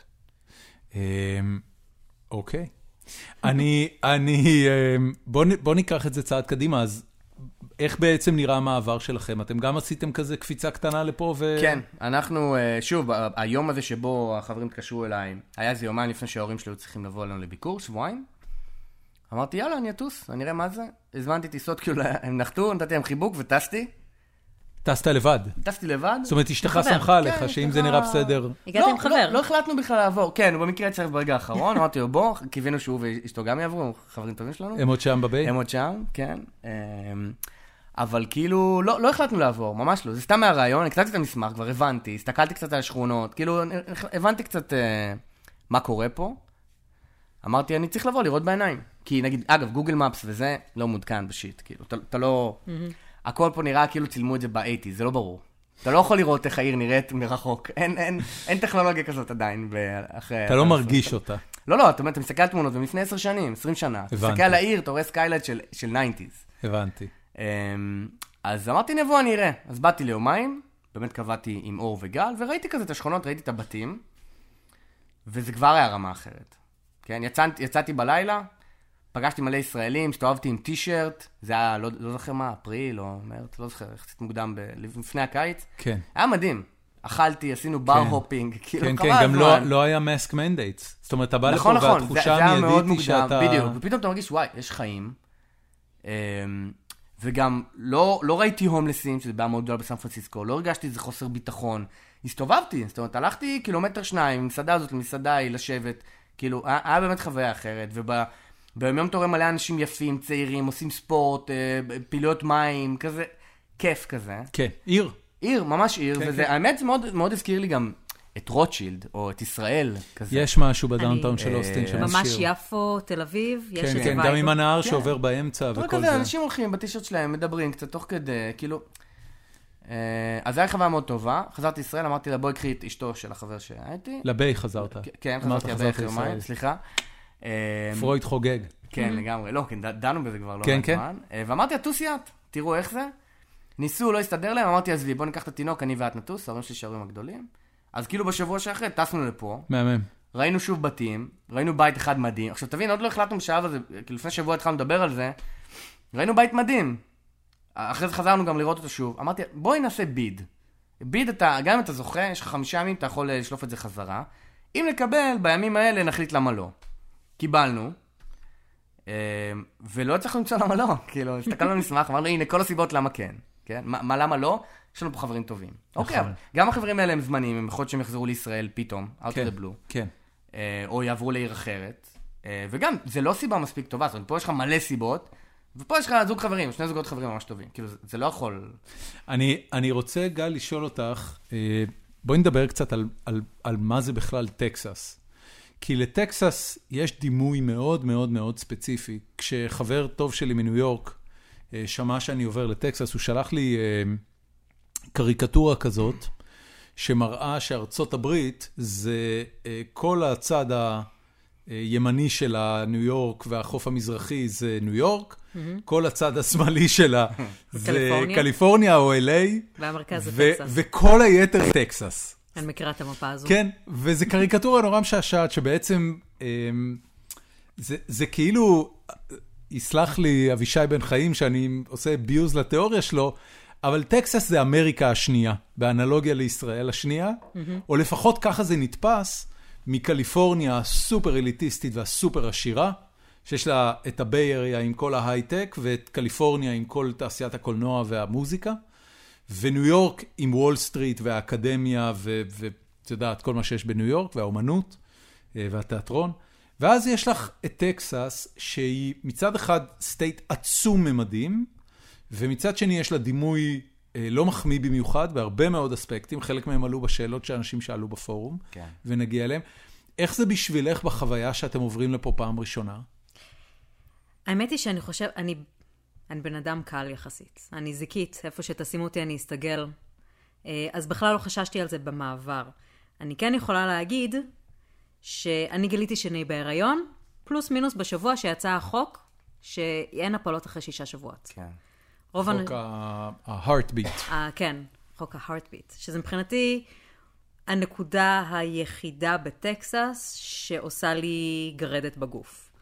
אה, כי בעצם היחידים שנפגעים מזה זה העניים. כי אני, אם אני אה, מחר מקבלת תוצאות בדיקה אה, לא טובות אחרי סקירת מערכות, אני טסה לקליפורניה או לבוסטון או לכל מדינה כחולה אחרת, ואני עושה את מה שאני צריכה. לעשות לפי שיקול דעתי ומשפחתי. אה, ומי שלא יכול להרשות לעצמו לעשות את המעבר הזה, בעצם הוא זה שאוכל אותה, שזה כמובן שוב פעם להעמיס אה, עוד על מי שגם ככה לא יכול לשאת את העול. אז אה, חוץ מהחוק הזה, אני לא מרגישה בעצם ששום דבר מההפחדות שיש, בעצם אנחנו מדברים, בואו נדבר דוגרי, אנחנו מדברים על זה שטקסס היא אדומה. עכשיו, אני לא מכירה לא את ניו מקסיקו ולא את אה, קרוליינה, אה, אז אני לא יכולה להעיד באמת על איך טקסס ביחס למקומות אחרים, אני מכירה את המפה א- הזאת. איך היא ביחס לביי? אז ביחס לביי, היא שונה. קודם כל, גם טקסס, כשאני מדברת, אני לא מכירה, לא גרתי לא בהיוסטון ולא בדאלאס, שכל אחת מהן, הן שונות אחת מהשנייה והן מאוד מאוד שונות מאוסטין. אוסטין ידועה בתור אה, אה, נקודה כחולה בתוך אה, אוסטין האדומה, אה, וכשאני אומרת נקודה כחולה, בתכלס, היא 50-50, שבעיניי זה מדהים, כי יש לי חברים רפובליקנים, ואני מדברת עם אנשים שהם רפובליקנים. יש לי חברים טקסנים שנולדו פה וגדלו פה כל חייהם, ואתה מגלה שהשד הוא אנשים נורמליים, זה בדיוק כמו מרכז, מרכז שמאל, מרכז ימין של הארץ. אה, רוב האנשים שהם רפובליקנים לא מחזיקים בד- בדעות של אנטי-הפלה. אה, ורובם חושבים שצריך להיות איזושהי הגבלה על נשק. אה, אולי הם לא נגד נשק, אבל הם חושבים שזה בסדר גמור שיש חוקים סביב זה, שיש יותר טוב לעשות. ויש לי גם המון המון חברים כחולים, ולדעתי זה מייצר איזון נהדר, כי קודם כל אתה, אתה מגלה שרובם הם די מרכז. כן. אמ, וגם, אני, אני אישית מרגישה שאתה נחשף ל, להרבה מאוד אנשים. אתה, אתה מבין שבעצם במפה שהיא אמ, הרבה פעמים היא מרגישה קיצונית אה, על, על כלכלה, על חינוך, על gun control, על אה, אמ, אה, הפלות. הנושאים השנויים במחלוקת הם בעצם הקיצון, והם לא ה... הם אני, לא ה... אני רוצה רגע לשאול אותך משהו לגבי זה, כי אה, את יודעת, הסתכלתי על רוב השאלות שעלו בפורום, ונגיע אליהן בהמשך הפרק, והמחשבה העיקרית שהייתה לי, זה שלפחות בתשעה חודשים שאני חי פה, לא נתקלתי בכלל בזה. נכון, זה בדיוק מה שאני אומרת. זאת אומרת, כן, א- אני- את, את נכנסת להיריון, סבבה, לא רצית הפלה, זה היה הריון רצוי. הנושא הזה לא, לא... אה, איפה בכלל הנושאים של נשק או... אה, גם, גם בקליפורניה אפשר להשיג רובה, כאילו, אני- זה לא... אני- איפה אני- אתה בכלל כן. חווה את טקסס? אני, האמת, אני חשבתי על זה גם, אני חיכיתי, אה, כשהגעתי לסיים לדבר, אה, דווקא, כאילו, אני חשבתי על זה כשעברנו לפה, כשחשבנו לעבור לפה, אני מרגיש שאומנם אז טראמפ היה בשלטון, אז הכל היה יותר polarized, אבל אני חושב שבקליפורניה הסיפור הפוליטי הוא יותר מורגש, הוא יותר polarizing, ופה לא כך יוצא להתעסק בפוליטיקה per se. זאת אומרת, אני מדבר עם אמריקאים, גם מדבר עם אמריקאים הרבה יותר ממה שדיברתי איתם שם. יש פה אמריקאים. וכן, יש פה באמת אמריקאים, אה, שזה מאוד שונה ממה שאתה חווה ב Bay. ו... ה Bay הוא אזור- הנושא הפוליטי לא באמת עולה, זאת אומרת, זה לא... זה לא אתה יודע, אתה פשוט זה לא מדבר על נושאים. זה לא big deal, זה לא אתה- issue. אתה הרבה פעמים לא יודע אם בן אדם רפובליקאי או דמוקרטי, ואיכשהו בקליפורניה הרגשתי שזה תמיד... תמיד נושא הפוליטי, כאילו, איכשהו, איכשהו עולה, איכשהו כן. אתה מיד מבין, רגע, הבן אדם הזה הוא רפובליקני או דמוקרטי, גם ישראלי הוא רפובליקני או דמוקרטי, כן? כן. אמ, אז, אז בצורה מפתיעה, אני חושב שזה דווקא אה, איכשהו טיעון בעד המקום הזה, ספציפית לאוסטין. עכשיו בדיוק עשינו סופש ביוסטון, ובאמת זו עיר טיפה שונה. מה הרגשת שם? אבל אמ, לא הרגשתי את זה מאוד מאוד שונה, אבל הרגשתי שזה טיפה יותר טקסס מפה. אה, אנשים הרבה פחות סבלניים בכביש, הוא הרבה יותר כזה אגרסיביים בתורים וכאלה, שבאוסטין זה ממש לא, לא מורגש, הרבה יותר, אה, אפילו יותר טוב מקליפורניה. אבל אמ, אני חושב שזה ממש לא אישו פה ביחס לקליפורניה, אם כבר, קליפורניה יותר מורגש הסיפור הפוליטי הזה וה, והמתח. כן. אה, שזה הפתיע אותי, האמת, אני, זה לא מאוד היה בסל שיקולים שלי לעבור לפה. אני לא, אני לא זוכר שאפילו הסתכלנו יותר מדי על פוליטיקה. אני, אני, שוב, כדי לחזור, ההחלטה שלנו לעבור לפה הייתה באזור מאי 21, וקליפורניה הייתה מקום איום ונורא במהלך שנה, החצי הראשון של 21 להיות בו, גם בגלל הסגרים. הנושא הפוליטי, בעוד שהוא לא נגע בסוגיות של הפלות או, או, או מדיניות נשק, הוא היה רק על הסיפור הזה של קורונה, של מה המדינה מרשה לעצמה או לא מרשה לעצמה כן. לעשות כשהיא כופה mask אה, mandates או לא mask mandates. כן, הפוליטיקה בתוך ה state עם ניוסאם וה recall שלו. וואו, זה היה קשה. זה עדיין ככה אגב שם. באמת? אה, כן, אני קפצתי לבקר שם לכמה שעות. אה, ולא יכולנו ללכת לשום מקום בלי להציג פנקס חיסונים וכאלה בצורה מאוד קיצונית, כן, מאוד מאוד קיצונית. אני לא, לא רוצה להיכנס פה לקורונה, לא יודע מה, פה חיסונים או לא, אבל זאת אומרת, אני עדיין חושב שבקליפורניה קשוח לחיות היום, עדיין מה? בגלל הקורונה. אתה, אתה מבין למה זה? אני, כן, אני מבין למה זה. אני חושב שהאוכלוסייה שם היא, היא uh, too good for its own good. זאת אומרת, אנשים שם יותר מדי מתעסקים uh, בהכל בערך, כן? זאת אומרת, כל, כל קבוצה, כל קומיוניטי שאתה נמצא שם, הוא, הוא נורא נורא מתעסק בהכל, ולכולם יש הרבה מאוד דעות, והם רוצים... זה כמו שאתה מגיע לארה"ב ואתה אומר, וואו, איך יותר רגוע פה מלעומת ישראל, שכולם נכנסים לך לציציות, ולכולם יש מה להגיד, כולם בתוך החיים שלך. אז אותו דבר, יש תחושה כזאת כשעברתי לאוסטין. פתאום, הכל mm-hmm. קליל, אנשים בכיף שלהם, חיים את החיים שלהם, עושים מה שטוב להם. אני ממש מסכימה, שאני חושבת שבגדול, בטקסס הייתה איזה, איזשהו צביון, שבעצם אומר, אנחנו סומכים עליכם, אנחנו נותנים לכם את האופציה להתחסן אם אתם רוצים, ואנחנו נותנים לכם את האופציה לא להתחסן אם אתם רוצים. אנחנו יכולים לייצר חוקים מסוימים במסגרות מסוימות, כמו לדוגמה, בגני ילדים, אה, המורות אה, אה, לובשות כולם מסכות, כן. אבל גן הילדים מחליט האם הילדים כן. יהיו או לא יהיו עם מסכות. צריך להגיד אבל שזה לא הוגן, כאילו להגיד את זה, לזקוף את זה לזכות טקסס בניגוד לקליפורניה, בגלל ש... קצת הוכח שעכשיו עם החיסונים, כל mm-hmm. המדיניות המוגזמת בקליפורניה היא קצת מיותרת, כי בהרבה מקומות בעולם שאין את זה, המצב הוא בערך אותו דבר. אם המציאות היום הייתה שונה, והיינו יודעים שמסכות הן מאוד יעילות, או שלא היה לנו חיסונים, ופה אנשים היו עושים מה שבא להם, והיה מלא מקרה קורונה, ובקליפורניה זה לא המצב, אז לא היית נהנית מהמדיניות הזאת פה. אבל המדיניות, המדיניות הזאת פה התחילה בשלב יחסית מוקדם. שלב הקורונה הראשון, היה סגר פה בדיוק כמו בכל מקום אחר. אוקיי? באמת? כן.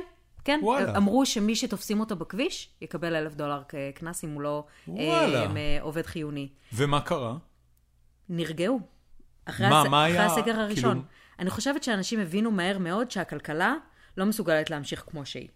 אמ, ומהר מאוד המנקות חזרו לבתים לנקות בתים, אה, ושיפוצים התחילו פה מוקדם, וגם הגני ילדים נפתחו פה לציבור הרחב הרבה יותר מהר כן. מבמקומות אחרים. אני לא יודעת על בתי ספר כי אין לי ילדי בתי ספר. אני יכולה להעיד רק על גנים.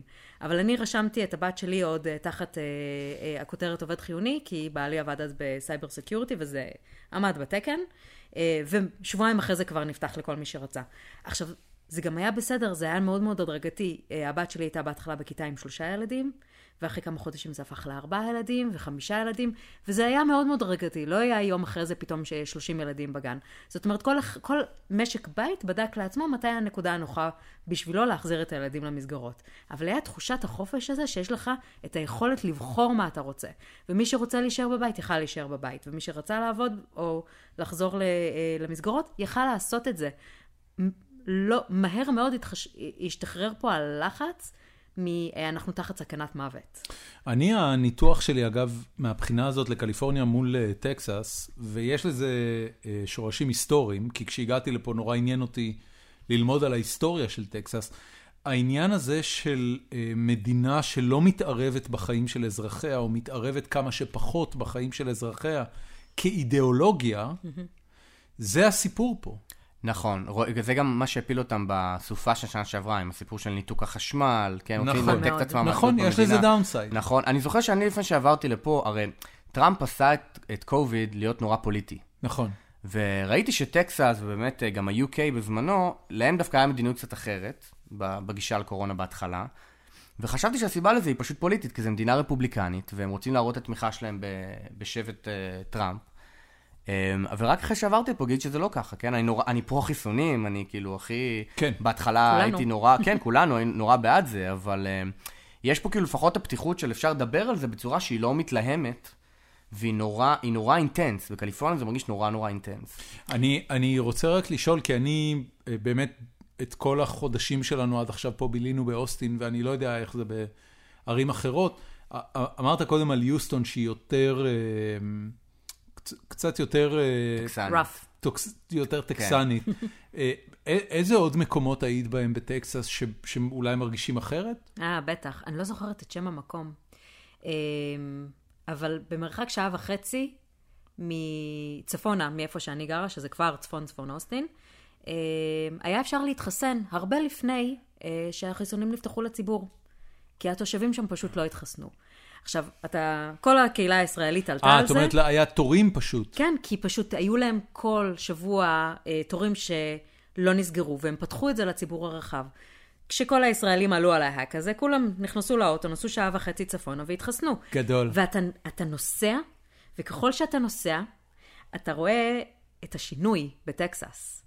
מה אתה אה, רואה? קודם כל, השטח נפתח עם, עם, ביחס לקליפורניה. פה מרגישים שכל אחד גר פה על בית גדול עם אה, מטראז'. זאת אומרת, צפונית מפה כל אחד חי על... צפונית מפה, כל אה, פה, חוות, ח- 11, 11 אייקרס לכל אה, חווה, אייקר, למי שמאזין לנו, זה פחות או יותר חמישה דונם. כן. רק כדי שתבינו, זה 50 דונם למשפחה. ו... ואז אתה מגיע לאיזה עיר קטנה, ובתים כאלה צריפים קטנים ורעועים, ואם אתה רואה את הברבר, ואתה אתה, אתה חוזר אחורה בזמן, לפעמים נראה ממש כמו מערבון, ואם אתה עושה גוגל מפות, מה אני יכול לאכול בס- בסביבה, אתה מגלה שאין כלום חוץ. מ Denny's ועוד ג'אנק פוד למיניהם. זאת אומרת, המסעדה הכי טובה היא תהיה Denny's. כן. אז אתה, אתה רואה, אתה בעולם אחר שעה וחצי צפונה מפה, ואתה מבין מההקשר שהאוכלוסייה לא מתחסנת. כי עובדה שכולנו אגב, אני רוצה. אני רוצה לספר לכם משהו על זה. אה, ביום אה, שישי האחרון קפצתי עם הבן שלי להסתפר פה במספרה קרוב, ו... והספרית, הייתה ספרית חדשה שעוד לא סיפרה אותנו בעבר, ואני קולט שתי דקות לתוך התספורת, שהיא מתנשפת כמו fucking דארת ויידר. משהו כאילו כזה נורא, נורא, נורא, נורא, והיא קולטת שהיא מתנשפת, ואז היא אומרת לי, תשמע, אני נורא מתנצלת, אין לי שום דבר, אני לא חולה או משהו. היה לי קוביד באוגוסט, הייתי מאושפזת על סף מוות במשך שבועיים זה לא עבר, אה? ב-drug induced coma, כאילו הכניס אותה לקומה, והיא לא התאוששה עד היום. כן. ואז אני שואל אותה, היית מחוסנת? אז היא אומרת לי, לא. אני אומר לה, למה לא? אז היא אומרת לי, תראה, היו הרבה דעות לפה ולפה, ואני התלבטתי ולא ידעתי, ואז חטפתי קוביד, וזה זה פוצץ אותה לגמרי.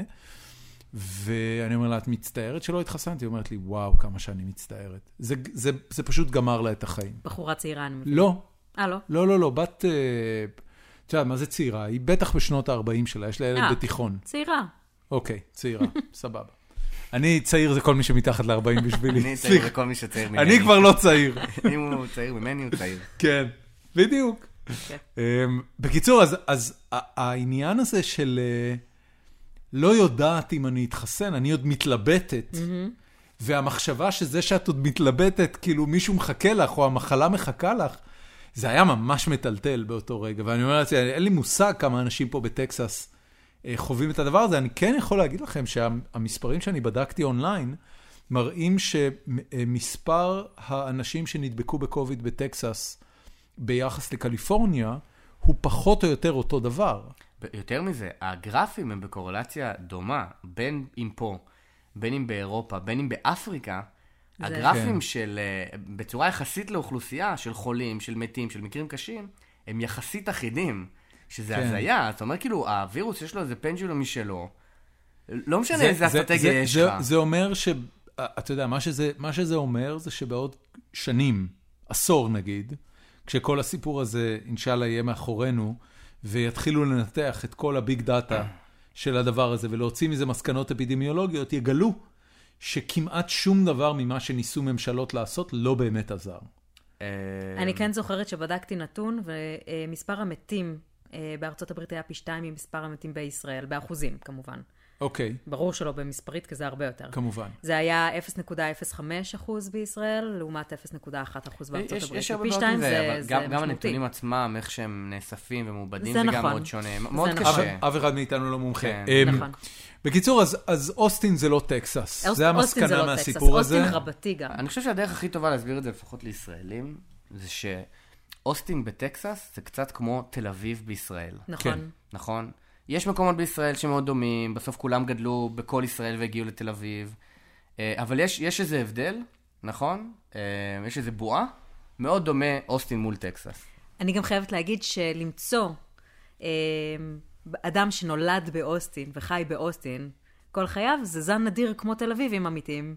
כן, כי האמת, כולם- אני עוד זה לא עוד עיר. מהגרים. נכון, כן. אני עוד לא פגשתי אוסטינאי אני שנולד כן פגשתי פה. הרבה מסידר פארק והרבה מראונד רוק, זאת אומרת הערים. ה-adjacent לאוסטין, אבל למצוא אוסט- אוסטינאי, זה לא, זה לא דבר שבשגרה. לי, לי יש אה, חבר ילדות שעבר לפה לפני 15 שנה. אה, מעבר לזה שהוא אומר שלא היה פה כלום, ליטרלי, לא היה פה כלום, זאת אומרת, זה, זה ממש היה אה, אה, שומם. אה, אז, אה, אז הם גם עברו לפה בגלל, אה, בגלל אקדמיה ספציפית ופרנסה, ואתה יודע, חיפוש אחרי חיים טובים יותר. אה, ואני אני שומע ממנו שזה פחות או יותר היה הסיפור גם לפני 15 שנה, זאת אומרת, אוסטין כנראה הייתה, הייתה כזו אטרקציה אה, גם כן, לפני אוס- 15 אוסטין שנה. משכה לפה חברות ענק של הייטק כבר הרבה שנים, כן? וזה תמיד כאלה גלי הגירה מאוד גדולים. וברור, אני- גם אני- יש סיבה אני מאוד... לא העשור הכרתי את זה. כן, אני לא הכרתי את זה. אני הכרתי את אוסטין ב- בזכות, אה, בזכות הכנסים שלה. כן, סאב ביי סאב South by ווסט. Southwest. גם- דל הייתה מקום מאוד מפורסם היסטורית באוסטין, לדעתי. היא גם התחילה כעיר. סטודנטים, זאת אומרת, כן, הרבה מאוד נכון. באמת שהגיעו לכאן היו חבר'ה צעירים, שבעצם בסוף הלימודים שלהם גם עזבו למקומות אחרים בארצות הברית, אז היא הייתה מאוד אה, עיר ניידת. אה, אבל היא כן משכה לפה בגלל ה... אה, אין מיסים. מיסי מיס- מדינה. מיסי מדינה. כן. משכה לפה הרבה חברות, שתמיד אמרו, אני... יש, אה, יש perks לטקסס, יש אבל אני. לא, אבל אני לא רוצה טקסס. אז באים לאוסטין. אז באים לאוסטין. אה, אה, מרק מרון, הפודקאסטר, קורא לאוסטין, סליחה, The Hipster Alamo. למי שמבין את הרפרנס. אני רוצה רגע לדבר על, על הסלוגן של טקסס, שזה, לא, של טקסס, לא, Lone שזה. The Lone Star State. נכון. אה, למי שמאזין לנו ולא מכיר את הסיפור, אה, טקסס, אה, יש לה יחסי אהבה-שנאה עם היוניון הגדול יותר. אה, כי בנקודה מסוימת בזמן, כשטקסס נלחמה על העצמאות שלה, כשהתושבים הטקסנים נלחמו על העצמאות שלהם ממקסיקו, אה, אז הם שלחו בקשת עזרה ליוניון, שישלחו חיילים שיעזרו להם אה, אה, להיפטר מהמקסיקנים. והיוניון פחות או יותר אמר להם, חבר'ה, אנחנו מצטערים, יש לנו יחסים טובים עם מקסיקו, תסתדרו לבד. ו... וזה הוביל לאותה שחיטה מפורסמת באלמו. היית שם? לא, לא הייתי באלמו. היית? הייתי, וזה מדהים. זה חתיכת אני חור. דמיינתי זה- שזה זה- תל חי כזה. אני גם, אני דמיינתי שזה מצדה. נכון? סבבה, מין מצדה. סיפור כזה מטורף, כן. ובסוף כולם באמת גם כזה, כן, כולם, את חייהם. נכון, כולם אבל נשחטו. זה, זה פקקת כנסייה שעשויה מבוץ, כאילו מטר וחצי על מטר וחצי. מה, מה זה תל חי? ואתה יודע, נכון, בסדר. אני חייבת להגיד, מעבר לאלמו, אתה יודע. הגדולה, הסיפור של Remember the Alamo לדעתי הוא יותר, אתה יודע, אמר- אמרתי את זה באחד הפרקים, יש פה, יש פה איזה מנטליות של עם לבדד ישכון. זאת אומרת, נכון. הטקסנים, אה, יש להם את העניין הזה של כאילו, אנחנו לא סגורים לגמרי אם אנחנו רוצים את הארצות הברית הזה. אה, בהתחלה כשהם נלחמו על העצמאות שלהם ובאמת ניצחו, הם היו רפובליקה עצמאית. פשוט היה עוד מדינה, זה כאילו מטורף, אתה אומר, אוקיי, כל הדבר הזה שנקרא טקסס, היה עוד מדינה ליד ארצות הברית, שהייתה, לא יודע כמה קולוניות אני חושב מחוברות.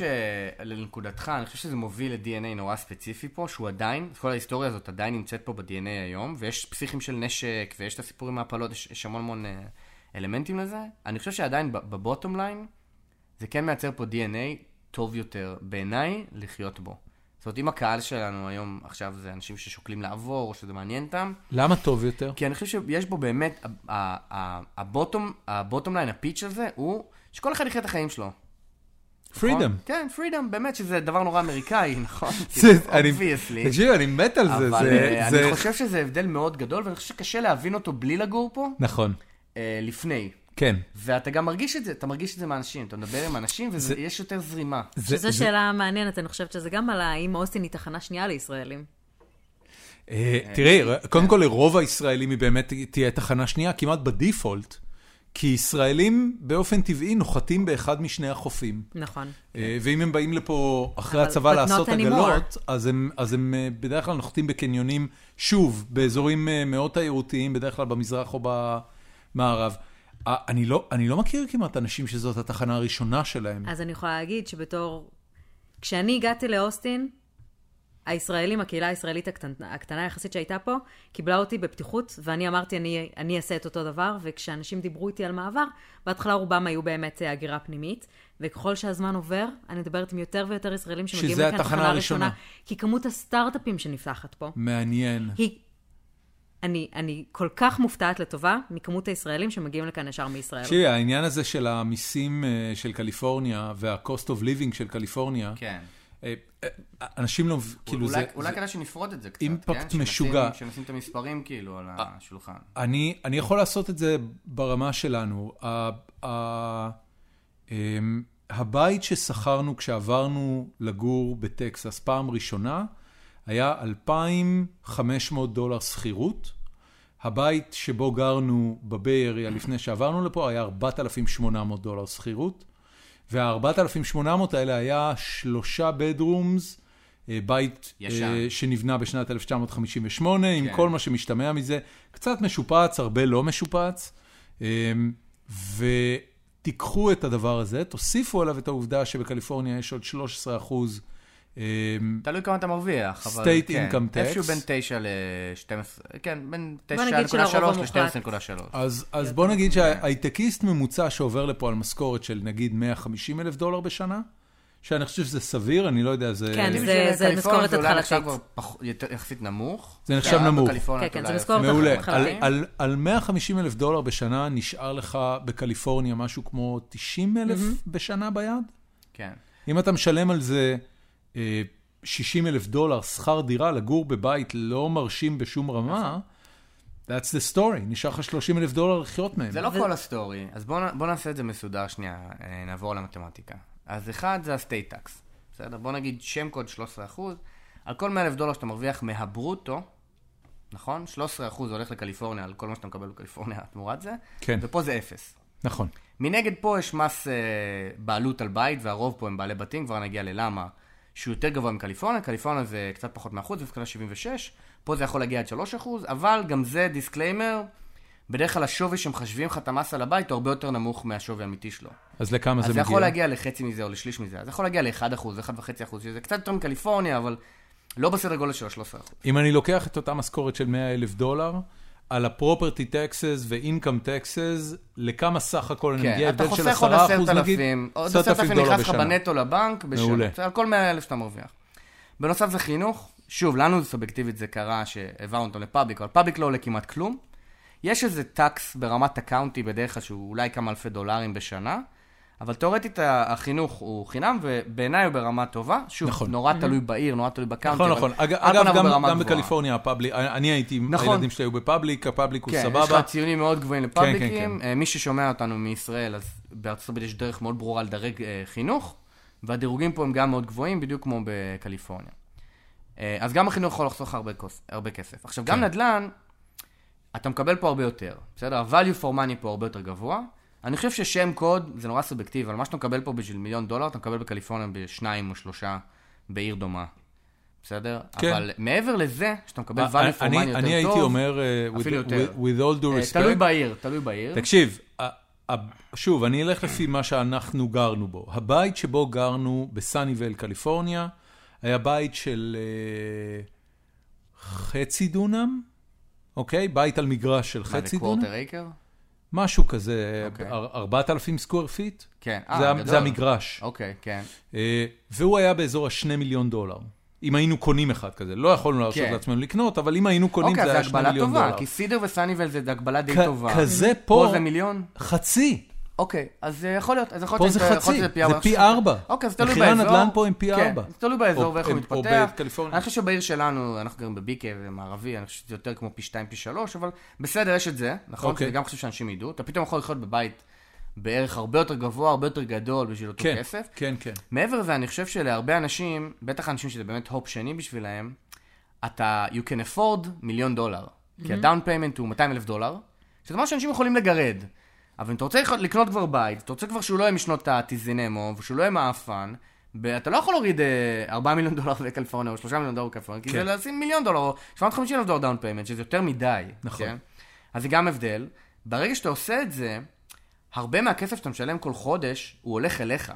משהו כמו שישי, אה, שני שליש, 70 אחוז, תלוי בסיטואציה של המשכנתה שלך, הוא הולך אליך ב equity על הבית. נכון. זאת אומרת, אני בסוף ה down payment ששמתי פה על בית, זה מה ששילמתי בשכירות בקליפורניה למשכיר שלי, לבעל בית שלי, בארבע שנים. וואו. זאת אומרת, עכשיו אני משלם את אותו כסף, שם קוד, אה, 5,000 ומשהו דולר, אבל 4,000 ומשהו מתוך זה הולך אליי ב equity של הבית. כשאני אמכור את הבית, כן. הכסף הזה הוא שלי, ויותר כן, ממנו כן, הולך כן. אליי ולא לבנק, כן? כן. גם הדבר הזה, אתה יכול לגלם אותו, זה גם 50 אלף דולר בשנה. איך זה היה משתנה אם הריבית הייתה גבוהה יותר? אה, אז זה היה משתנה, זו שאלה טובה, זה נורא תלוי סף. אנחנו הגענו פה בתקופה שהריבית היא טובה, הייתה מאוד טובה, אגב, גל ואור עזרו לנו מאוד בזה, מצאו לנו מישהו ש... חסכו לנו רק על זה איזה 50 אלף דולר לדעתי. אה, אבל עדיין אני חושב שהריביות גם היום הן עדיין אטרקטיביות ביחס לזה. אני לא יודע להגיד מה יקרה פה עם האינפלציה, מה יקרה עוד שנה-שנתיים, יכול להיות שזה באמת כבר לא אטרקטיבי. כן. יכול להיות שהריבית מגיעה לחמישה אחוז רגע, אבל אתה מדבר לא. אטרקטיבי אולי להשקיע, לקנות עדיין הקנייה פה ייקח... אוסטין מדביקה את הערים המקבילות שלה, שזה אולי עדיין לא קליפורניה וניו יורק, אבל זה כן יכול להיות יותר אה, סיאטל ואזורים כן. במסצ'וסטס. היא מדביקה את הקצב, נכון, מהר. האפרישיישן פה הוא גם מטורף. נכון. אבל אה, כן, אני חושב שהנקודה אבל היא שזה עדיין שוק של קנייה. זה עדיין שוק נכון, של קנייה, זה נכון. אני רוצה לשאול, כי אה, בנתונים שהתפרסמו לאחרונה על, על הערים שיש אליהם את ההגירה החיובית הכי גדולה בארצות הברית כרגע, מעל אוסטין, שהייתה במקום השני, יושבת מיאמי. לא, אוסטין הייתה מקום ראשון לא. לא, לא, אתם מבלבלים. אתה מדבר על הנתון שאומר לאן קליפורניאים עברו הכי הרבה, בדיוק. שזה מיאמי, ומקום שני אה, טקסס, או אוסטין, טראביס קאונטי. יכול להיות. ההגירה וההגירה החיובית הכי אוסטין. גבוהה בכל ארצות הברית בתקופת הקורונה זה לוויליאמסון קאונטי, שמי שרוצה לדעת מה זה, זה בעצם צפון אוסטין. זה גבעתיים והרצליה של, אה, כן. של ישראל. כן. אז, אז מה הסיפור לדעתכם עם, עם מיאמי, או עם פלורידה באופן כללי? אה, זה, זה אותו סיפור כמו שאנשים עברו לפה, כן? זאת אומרת, זה מקום שיש שם טק הרבה זמן, יש שם VC הרבה זמן, יש שם כסף, יש שם מזג אוויר חמים. אה, אפשר יותר לקנות, לוס, אה, הרבה נכון, ב- רפובליקנים. כן. כן. מאוד דומה. כן, כן, בסוף כן. מאוד דומה. כן. אז אני- למה אנחנו אני לא חי- במיאמי? בגלל ה... בדקתם את בגלל מיאמי? האיכות. אה, בגלל... יש המון לחוץ. It doesn't go well with my hair. כן, זה גומר לי את הטלטלים. טלטלים, זה כן. לא עובד טוב. וואו. אה, אני חייבת להגיד שאנחנו מדברים בינתיים על שני נושאים נורא אה, גדולים, והם הכי משמעותיים בתוך משק הבית, שזה בעצם המיסים אה, והדיור. והם באמת, המשמעות פה היא, היא קיצונית, אבל כן לפי דעתי מעניין קצת לדבר על דברים אחרים, שזה אה, בתי ספר, גני ילדים, דלק, אה, סופר. אה, אז במקומות האלה זה לא, זה לא ההפרשים שיש נניח שוב פעם מקליפורניה וניו יורק. הדלק מול קליפורניה הוא הוא הוא- הבדל עצום. הוא הבדל עצום, אבל כמה דלק הוא נכון, משמעותי בתוך נכון, נכון, הכלכלה הוא לא, היומיומית שלך. הוא לא. אני חושבת שזה משהו כמו נגיד 60 אחוז ממה שאתה משלם. אה, כן. ו- וזה, וזה קריטי, זאת אומרת, אני את המכונית שלי הייתי מתדלקת ב-50 דולר בקליפורניה לפני אה, ארבע שנים, ופה הייתי מתדלקת ב-30. זאת אומרת, ההבדל הוא משמעותי. מצד שני, אני מתדלקת פעמיים בחודש, אז כן, כן, זה לא זה לא כאילו זה דרמטי. משנה דרמטי.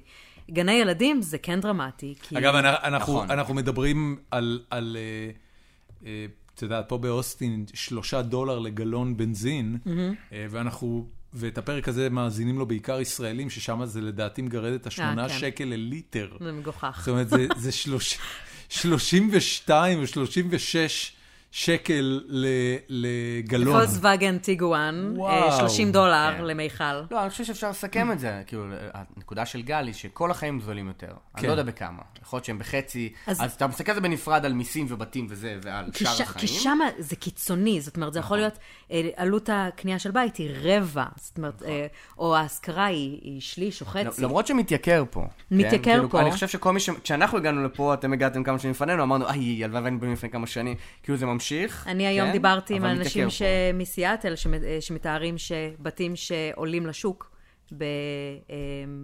במיליון וחצי או מיליון תשע, מקבלים הצעות של 400-500 אלף מעל ה asking כן, price. שזה גם פה אז- קורה. נכון, גם פה לא, קורה. 400-500 אולי מעל לא, ה asking אולי price. רבע מיליון דולר מעל אנחנו ה asking מדברים אולי price. באחוזים אה, דומה, תקשיבו, אני... אנ- אנחנו נעצור פה ואנחנו אה, אה. נתחיל- נתחיל לעבור לשאלות, כי אנחנו כבר כמעט שעה לתוך הפרק, אוקיי.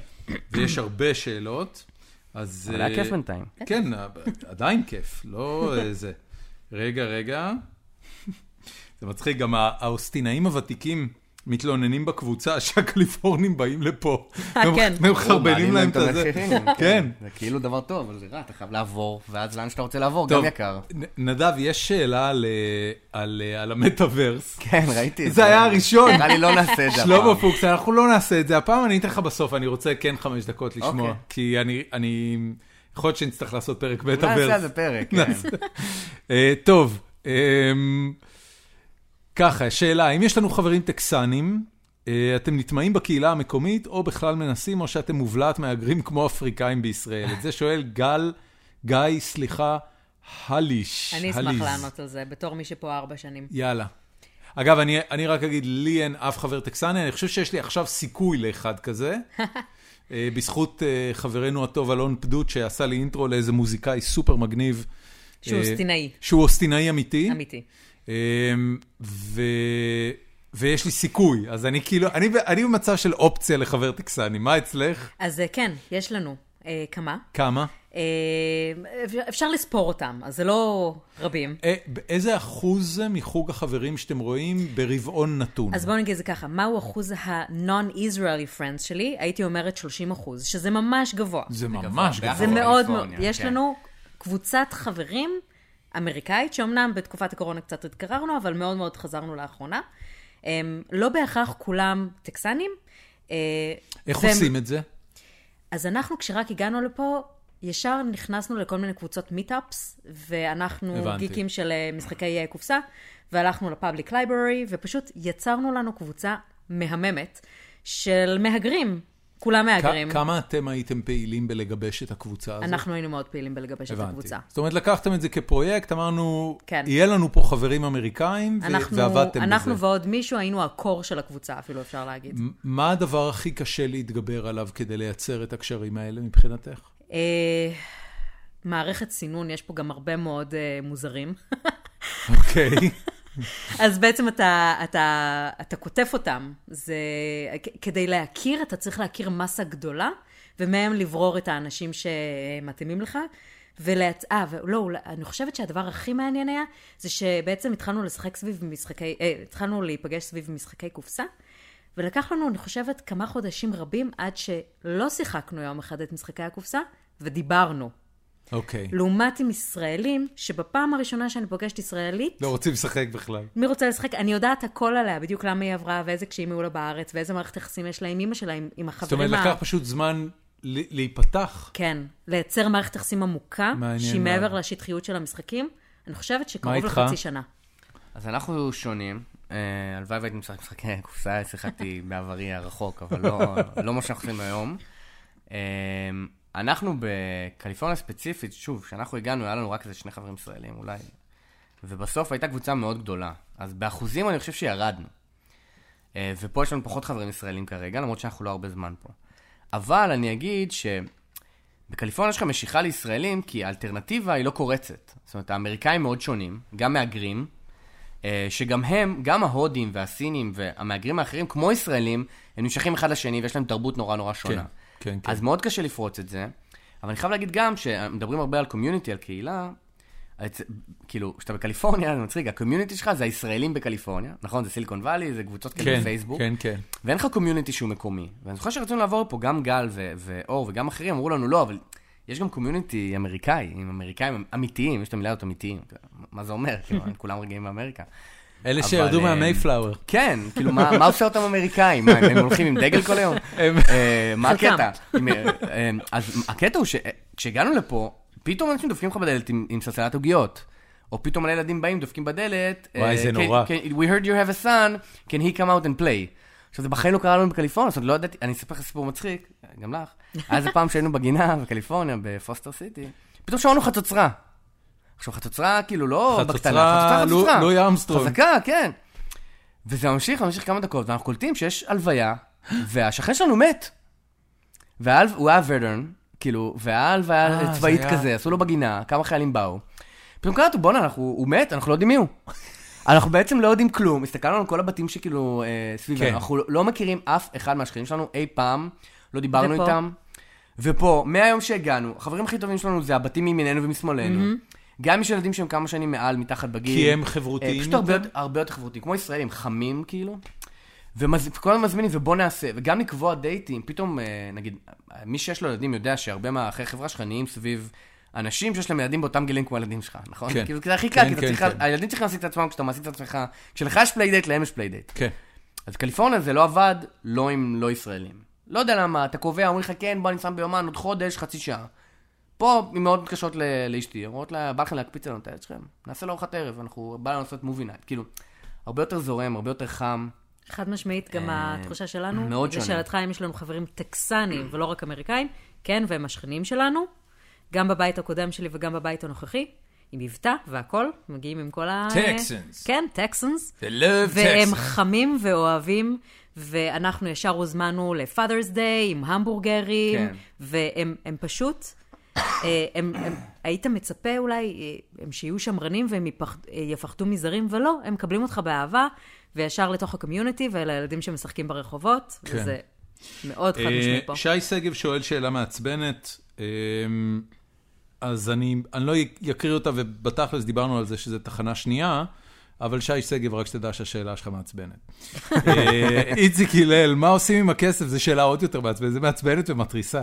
איציק הלל, מה עושים עם הכסף שחוסכים ממיסים, והאם משתמשים בו כדי למרק את המצפון לגבי איסור ההפלות? בכל זאת עברתם לשם מבחירה. דווקא אני חושב שנגענו בנושא הזה יפה. טיפה. כן. אני רק אגיד לך, אמ, איציק, כחלק מהתחקיר אה, לקראת הפרק הזה, הלכתי והשוויתי את חוקי ההפלות במדינת ישראל, אה, אהובת נפשנו, לטקסס ולקליפורניה, והפלא ופלא, ישראל דומה יותר לטקסס מאשר לקליפורניה. ההבדל העיקרי, אגב, בישראל, זה שעל פי הדת היהודית, שהיא הדת שמכתיבה במידה רבה את חוקי ההפלות בישראל, אה, עובר לא נחשב ל- ל- לתינוק תינוק. עד השבוע ה-13. ולכן, כשישראלים רוצים לעשות הפלות, לפחות מבחינה הלכתית יותר קל להתגבר על העניין הזה של דופק, אה, אה, שפה בארצות הברית, אה, רוב האמריקאים הדתיים אה, רואים ביצית מופרית בתור תינוק. ובישראל דילגו מעל המשוכה הזאת. כן, אני דואג אגב אם בישראל, אני תוהה אם זה לא יותר אה, טיפה אלמנט של אה, צריך את האישור של הבעל, אם זה לא טיפה שוביניסטי בקטע, כאילו מקור הדת. אני, אני תוהה אם אישה, נגיד, שרוצה לעשות את זה בניגוד לרצון בעלה, או אישה שהיא גרושה, אני לא יודע, שאלה מידה. מאוד אני, טובה. אני אני לא לא יודע, יודעת. אבל אני, אני לא חושב אתפלא. שוועדת הפלות צריכה אישור מאבא, כלשהו. אני לא יודע את זה. אוקיי. אה, לפחות, לפחות מהמעט שאני שמעתי על נשים שהגיעו לוועדת הפלות, אה, שום גבר לא נדרש כן. להיות שם, מה שכן, כל ועדת ההפלות היא גברים. כן. זאת אומרת, בסוף, מי שנותן לך את הסטמפה שתלך לעשות הפלה זה גבר. אה, אבל זה כן יותר קל מפה. אבל, אבל אני, אני רוצה להגיד uh, לאיציק, uh, בעיניי לפחות, הנושא של הפלות הוא, uh, um, הוא בעיה מאוד קטנה שמדינה צריכה להתמודד איתה. זאת אומרת, כשאתה מסתכל על מכלול הבעיות שמדינה צריכה לעשות, אם, אם אתה כבר רוצה ללכת לזכויות נשים, שכמובן הפלות הוא אחד מהעניינים המהותיים של זכויות נשים, דבר על, אה, על אה, תעסוקת נשים, דבר על הזדמנויות לנשים. אה, יש כל כך הרבה דברים לפני העניין של הפלות, ובתשובה לשאלתך, כן, הכסף ממרק את המצפון. זאת אומרת, אני לא, with all, with all due respect, הנושא של ההפלות, כמו שאמרת קודם, אם חס וחלילה באיזושהי נקודה הבת שלי תצטרך הפלה, אז הכסף שחסכתי לאורך השנים בזה שאני חי בטקסס ולא בקליפורניה או בניו יורק, מספיק להרבה יותר מאשר טיסה, מחלקה ראשונה לקליפורניה או לניו יורק, כדי לעשות שם את ההפלה. אה, ו... וככה זה, זה קפיטליזם. כן. אה, ואני קפיטליסט. אה, היו כמובן אנשים שנכנסו באיציק יקירנו על זה. אה, גיל אדינו כותב, אולי הם מרגישים יותר נקיים כשהם עוזבים מקום שרצח עוברים חוקי בו. אה, כן, תשמע. וזה, זה- וזה נקרא uh, a Jerry moment. כן. Um, אבל, uh, אבל אנחנו לא נצלול עכשיו לנושא של הפלות, יש... Uh, דיברנו עליו גם לא מעט. כן, כאילו, זה כן, כן. נכון, זה די נורא, אבל זה לא... אתה בסוף ביום שלך לא חווה את זה הרבה. כן. דיוויד לא רותם. שואל, האם יש שווארמה טובה באוסטין? יש. איפה אכלת שווארמה. טובה? TLV, TLV. נהדרים. TLV זה ישראלי. כן, כן. יחסית זה חדש. ישראלים, פתחו ב downtown. וניסינו ניסינו כבר חומוסים. ושווארמיות בקליפורניה והתאכזבנו. מה זה שנים? כמה ה-TLV? ה-TLV התחיל בתור food truck, כן? וואלה. ופתח את ה-TLV. וזה היה פלאפל מהרגע, אה, שווארמה מהרגע כן, זה הראשון? החומוס ושווארמה מהרגע הראשון, ואז לפני, אה, פלוס מינוס שאנחנו עברנו, כן. בערך חצי שנה אחרי כבר הם הפכו להיות אה, אה, מסעדה קטנה וחמודה. אבל אם מישהו מהמאזינים. פה רוצה לפתוח פה חומוסייה שווארמה, אה, כן, לא. נעצור אותו, יש אנחנו נהיה. קליינטים כן. קבועים. תמיד אפשר עוד, אבל נכון. חוץ הנקודה מזה היא יש ש... את קפה לבן, שלא הייתי אומרת שהוא ברמת ישראל, אבל הוא לא רע, הוא מספק את הצורך. הוא לבנוני ב- הוא לא לבנוני. לא, לא, הוא דרוזי ישראלי. הוא דרוזי, לבנוני, היה לי שיחה איתו על זה. נכון, נכון, הוא לבנוני. והוא כמובן, אה, כמו כל... אה, אה, ברגע שהוא מזהה שאתה ישראלי, ישר סבבה, סבבה, הכל סבבה.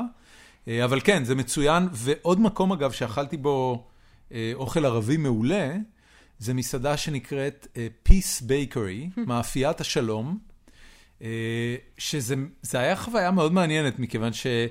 בעיקרון זה בכלל אמור להיות מאפייה, זאת אומרת, זה אמור להיות אה, בקלאות, כנאפה וכאלה, אבל ליד זה יש להם אה, אזור שלם שהוא מזון מוכן, כולל שיפוד שווארמה מדהים, אה, וטחינה מעולה, ופשוט אוכל מעולה, אבל הם, אה, הם פלסטינאים לפנים, כן. זאת אומרת, ציורים של אל-אקצא על הקיר. פחות ו- פחות עברית בתוך אני, החנות. אני חושב שהנקודה היא שכוונת המשורר ששאל את השאלה, אפשר למצוא פה סופגניות וחומוס ומה שצריך בחגים ישראלים. לגמרי. זה לא... אמ, הלאה, איך זה עובד? כשעברתם חילקו לכם רובים, זה נתנאל בולג שואל. התשובה היא כן, כמו שאתה נוחת פה בשדה תעופה, אה. אתה מקבל, אבל רגע, עכשיו, עכשיו שאלה רצינית. יש לכם רובה? יש לנו יותר מאחד. יופי? לכם כבר טוב, יש? בסדר, בעלה טיפה קיצוני. לא. אה, אגב, אני מאוד מפריע לי פה סיפור הנשק והרשות לשאת נשק. הייתי שמח אם זה אבל היה גם המצב, בקליפורניה אבל זה היה כן. ככה. אה, לא, לא כמו, ב... לא, לא, בטקסס. טקסס זה יותר קיצוני. השאלה אם זה הפתיחות אבל, סביב זה ואתה אה, פשוט לא ידעת? אני לא יודעת. לא, מה- אני תמיד ידעתי שבטקסס יש את האלמנט של יותר קיצוני. זה אגב, שוב נובע מאותם אלמנטים ב-DNA של להיות מסוגלים to bear arms, שדיברת עליהם. כן. לי זה מפריע. יש פה גם, יש פה מקרי שוטינגס, לא שבכל ארצות הברית אין. אה, אה, לי זה מפריע, לנו. אין נשק. זה, הנתון הזה זהה לקליפורניה ולעוד כמה ערים. אולי זה אם את מסתכלת על מס שוטינגס, זה יחסית, או- אולי אוקיי. זה, אבל אה, אני עדיין חושב? ש... בדיוק, דומסטיק לא יודעת ויילנס, להגיד על יכול להיות שיש יותר. לא, לא, הסתכלתי על אה, מס, אתה צודק. אבל אבל אני לא יודע, אני לא יודע, אבל לי אישית זה מפריע, אין לי נשק. הלאה. אה, אני, אני אגב אה, אה, שוקל לקנות כבר כמה שנים, עוד בקליפורניה. אגב, אה, כן, אה, עוד בקליפורניה שקלתי לקנות. כשחיפשנו פה בית, אז אה, הבית הראשון שאור אה, הראה לנו, אור בעלך, שגם היה סוכן נדל"ן שלנו, שעזר לנו למצוא פה בית, הבית הראשון שהוא הראה לנו, היה בית מדהים מהבחינה הזאת שהוא היה כל כך הארדקור טקסני. היו בפנים שלוש כספות שונות לרובים. היה איזה ארבעה ראשים מפוחלצים של כן. איילים תקועים על הקיר, והבית כולו היה מקושט בפסוקים מהתורה. וואו. ואני. זוכר שהסתכלתי, והתמונות של המשפחה מסביב פיארו כמובן את הסלון, והם נראו כל כך מאושרים. אני חייב להגיד, זה, זה, הסתכלתי על הדבר הזה ואני זוכר שאמרתי לשלי, זה, זה fucking סרט. זה כמו לבוא, כאילו, לא יכולתי לדמיין דבר כזה. סתם בית חמוד באיזה שכונה פה באזור. כן. אני אני אגיד לך, אני פשוט חושב שא', אפשר לבדוק את זה אחרי הפרק, יכול להיות שאני טועה, אני חושב שסטטיסטית, יש יותר אנשים שנפגעים מנשק, מטעויות בנשק, מאשר מירי אה, מכוון. זה- זה, אני חושבת שזה נתון אז די אה, ולידי. קצת, קצת מפריע לי המחשבה הזאת, אתה יודע שמישהו יגיע לנשק, למרות שיש שם פתרונות טובים לזה.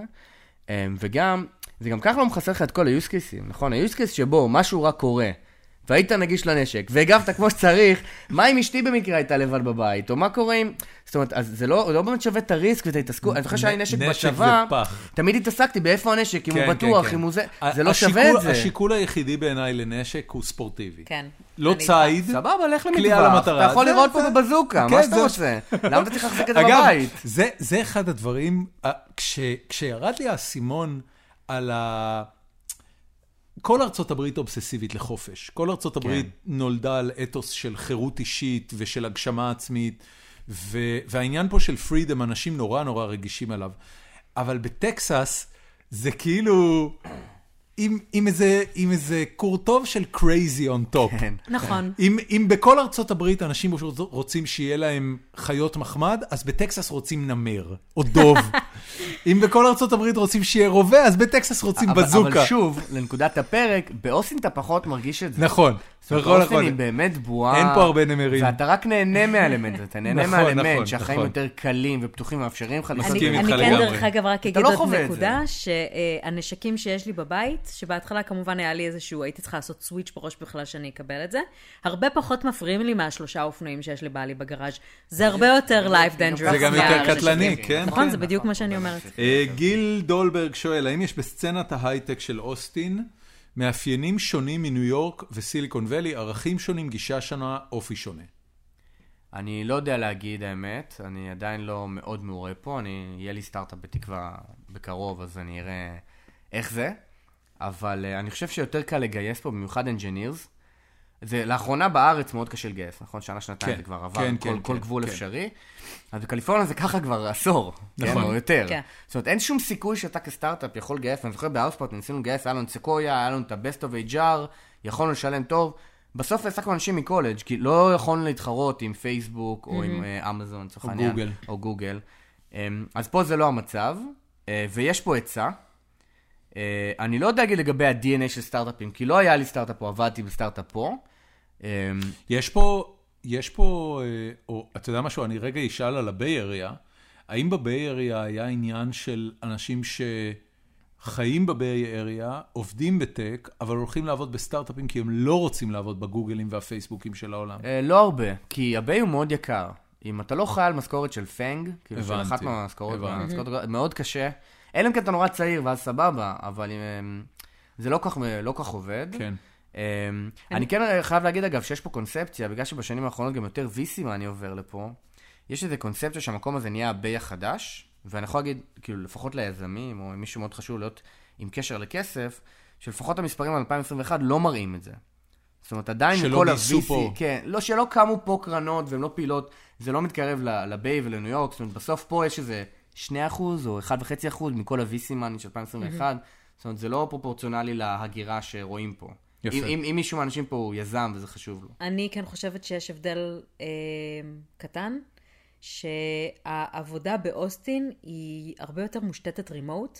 זאת אומרת, אה, הרבה מאוד אנשים הגדירו למעסיקים שלהם, היי, אני יודע שאני עד היום עבדתי בסיאטל, באמזון, אני עובר עכשיו, אני עובר עכשיו לאוסטין, ואתה תמשיך להעסיק אותי באותו מקום, זאת אומרת, מרוויח משכורת סיאטל, נכון. וגר אבל באוסטין. זה, זה מאוד נכון מה שאת אומרת, השאלה כמה זה מושפע מקורונה. זאת אומרת, קשה להגיד איך זה אבל- ייראה אחרי אבל- הקורונה. אני מסכימה, אבל זאת אומרת, נכון להיום, רוב האנשים שעובדים בסיאטל, גם עובדים בסיאטל, כן. זאת אומרת, שגרים ועובדים, ובאוסטין זה לא בהכרח המצב, יש פה הרבה יותר עבודה רימוט בין סטייטים, כן. שזה איזשהו הבדל שאני יכולה כן, להצביע גם עליו. ה- הפקקים פה טיפה יותר טובים, וכמו שאמרנו, הנייט לייף לדעתי טיפה יותר כיפי, כן. אבל אה, לצורך כן, העניין, כן, שוב, כן. אני לא מרגיש הוא לא, הוא בשביל לא להגיד טיפה את זה. יותר, הוא הרבה כן. הרבה יותר כיפי. אה, אני לא עבדתי פה בסטארט-אפים בשביל אה, להגיד משהו חכם על זה. אמ, אלון גולדמן שואל, אם היית יודע, או אם היית יודעת, מה שאת יודעת היום על החיים בארהב ובקליפורניה לפני המעבר, האם הייתם עוברים ישר לאוסטין, או עדיין עושים את אותה דרך? אני אתחיל ואענה שלא הייתה באמת אופציה מלבד להתחיל בקליפורניה, לפחות בשבילנו. גם לנו לא. אה, המעבר שלנו לקליפורניה אה, היה קשור לרילוקיישן של אשתי בכלל, שבגללה עברנו אה, בפעם הראשונה, ואני חושב שבתור בתור יזם אה, בסטרים אלמנטס, לא היה באמת שום מקום, אולי מלבד LA, שהיה יכול להתאים לנחות בו. אה, כדי להיות מעורה בתעשייה המקומית ו-VCs וכל מה שאתה אומר, אה, ולכן לא באמת הייתה אופציה לבוא לאוסטין, אופציה ראשונה. אה, היום אני חושב שזה כבר סיפור אחר, אני כן. מספיק מקושר במקומות האלה כדי פשוט לעשות כן. טיסה לשם. אני חושבת על זה גם שאלה לא וגם רלוונטית. קורונה. זה, זה פשוט שאלה לא רלוונטית, כי כל בן אדם יש אני את הקצב אני חיים שזו שאלה, שמ- לא, לא, אני חושב שזו שאלה ממקום של אה, אה, האם אוסטין, אה, למי שרוצה לעבור לארה"ב, צריך להיות תחנה שנייה, יכול להיות תחנה שנייה, או. שאפשר. ישר לבוא לפה. אני חושבת שאפשר חד משמעית שהיא תהיה ראשונה, זה פשוט הפרספקטיבה טיפה משתנה. כשאתה מגיע ממקום זול יותר, אה, אז אוסטין נראית יותר יקרה, וכשאתה מגיע ממקום נורא יקר, אז אוסטין נראית נורא ברת השגה. אז זה רק עניין של תפיסה, אבל זה לא שאחד הוא טוב ואחד הוא לא טוב, פשוט. אני חושב שזו שאלה מאוד טובה, בטח בשביל מישהו שהוא כנראה שוקל לעשות רילוקיישן לארצות הברית, שזה נתפס כדבר, כמו הרבה דברים, שונה עד שאתה עושה אותו. קשה לי להגיד עליי, כי לא הייתי לוקח את זה חזרה, כי היה לנו חברים טובים, חוויה טובה בקליפורניה וזה, אבל אני כן חושב שהחוויה באוסטין, לפחות מהמעט שאני פה, היא, היא טובה יותר. זאת אומרת, ברוב השיקולים שכתבתי באותה מסמך לפני שעברנו, התבררו כנכונים. זאת אומרת, ה, ה, בסוף הפונקציה, שהיא החיים, רמת החיים, בעיניי טובה יותר פה מכל המשתנים שנגענו בהם, כן? עכשיו, אם אתה יזם, ונורא חשוב לך בסיליקון וואלי, להיות קרוב ל-VCs, שגם זה בגלל הקורונה נורא השתנה. נכון. זאת אומרת, רוב האנשים שסוגרים היום טרם שיטים, זה קורה אונליין, זה קורה בזום, זה, זה לא לא אותו דבר. פוגש את המשקיעים כן. שלך. אני זוכר בזמנו שהיה סטארט-אפ אפווסט וגיל, היה להם קטע של אתה חייב לעבור לארצות הברית, אתה חייב להיות כן, בוואלי. כן, כן. זה השתנה בגלל קורונה. אגיד אם זה יחזור או לא, איך זה יראה זה לא. בעתיד, never לא go יודע. back. נכון להיום, אני חושב שזה לגמרי יכול וצריך להיות תחנה ראשונה לישראלים. יכולים לגייס פה יותר בקלות, יכולים לחיות פה יותר בקלות, וחיים מאושרים ומאוזנים יותר, יעשו אותך יזם יותר טוב ועובד הייטק יותר טוב. כן? There you go. אמ, איתר, אה, טוב, יניב מנוס שואל, אה, עד כמה אוסטין ושאר טקסס זה שתי אוכלוסיות שונות לגמרי? נגענו בזה ממש קצת, אבל, אה, אבל אני באמת לא יודע. גם אני לא. אמ, אף אחד מאיתנו לא גר במקום אחר, אבל מה שנקרא From hearsay, כן. אני, אני מניח שהתשובה היא, היא מה שאמרנו קודם, אה, בערך כמו שתל אביב ושאר ישראל זה אוכלוסיות שונות לגמרי. אה, איתמר אברמוביץ', יקירנו, שואל אם התור בפרנקלין, יש ימים שהוא יותר קצר? האם ניסיתם כבר להזמין לשמונה ומעלה כדי לקבל קצת? אני רק אגיד, איתמר, אה, לפחות מהפעמים שאני עברתי בפרנקלין, פרנקלין זה אך ורק בהזמנה לא, מראש. זה רק מאז הקורונה. כן, אז מאז כן, קורונה, אז אני עברתי פה אחרי כן, קורונה. למי שפה לא מכיר, אז הסיפור של אה, brisket או ברביקיו טקסני זה זה אלמנט נורא חזק פה בטקסס. באוסטין, פרנקלין וטרי בלק נחשבים הכי טובים, לפחות מסוגם. פרנקלין מאז הקורונה זה רק take away. רק take away. טרי בלק, אתה יכול לבוא ויש תור של, כן, 200 אנשים. שעתיים. אה, אבל לפעמים זה גם רץ. נכון, אני, רוב נכון, הפעמים שלי נכון, בטרי נכון. בלק זה היה תור של נכון. רבע שעה. אני נכון, כן אני מסכים אגיד איתך. שמשהו שמאוד השתנה באוסטין, מאז ההגירה החיובית המטורפת שהיא חובה, זה שרוב המסעדות הטובות היום זה בהזמנה קדימה חודשים. שזה מטורף בעיניי, כי זה ממש לא היה זה אותו זה דבר. נכון. דרך אגב, כן. רשימות המתנה בגני ילדים התחילו, זאת אומרת, וואלה. כן? אז לנו לא היה כשבאנו, זה היה לפני חצי זה, שנה. ג- זה גם אומר והיום, הזדמנות כן. ליזמים. רק אני, רק אני אגיד, אנשים שרוצים לפתוח פה גני ילדים, כנראה יש להם, ימלאו את הגן צ'יק צ'אק. אגב, זה נושא מעניין ביחס לקליפורניה, כן? זאת אומרת, יש לך מסעדות מטורפות בפאלו אלטו ובסן פרנסיסקו, נכון? מסעדות משלן או אחרות. כן. יש פה אוכל טוב. יש פה אוכל מעולה. אגב, לא רק אוכל, הכל פה ברמה. רציתי לקחת את הילדים שלי למשחקייה.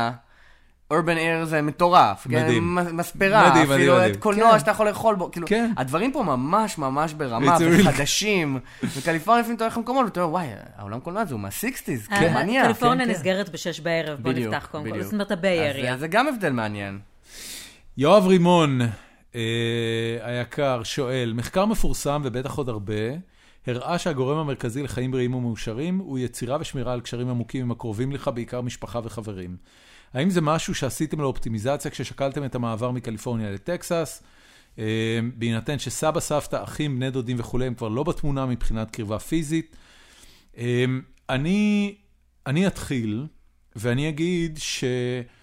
כשעברנו לטקסס, זה היה אחרי שנה וחצי של קורונה, שבה לא ראינו את המשפחה בכלל, לא ביקרנו בארץ ולא בא כן, לבקר אותנו אף אחד. וחצי.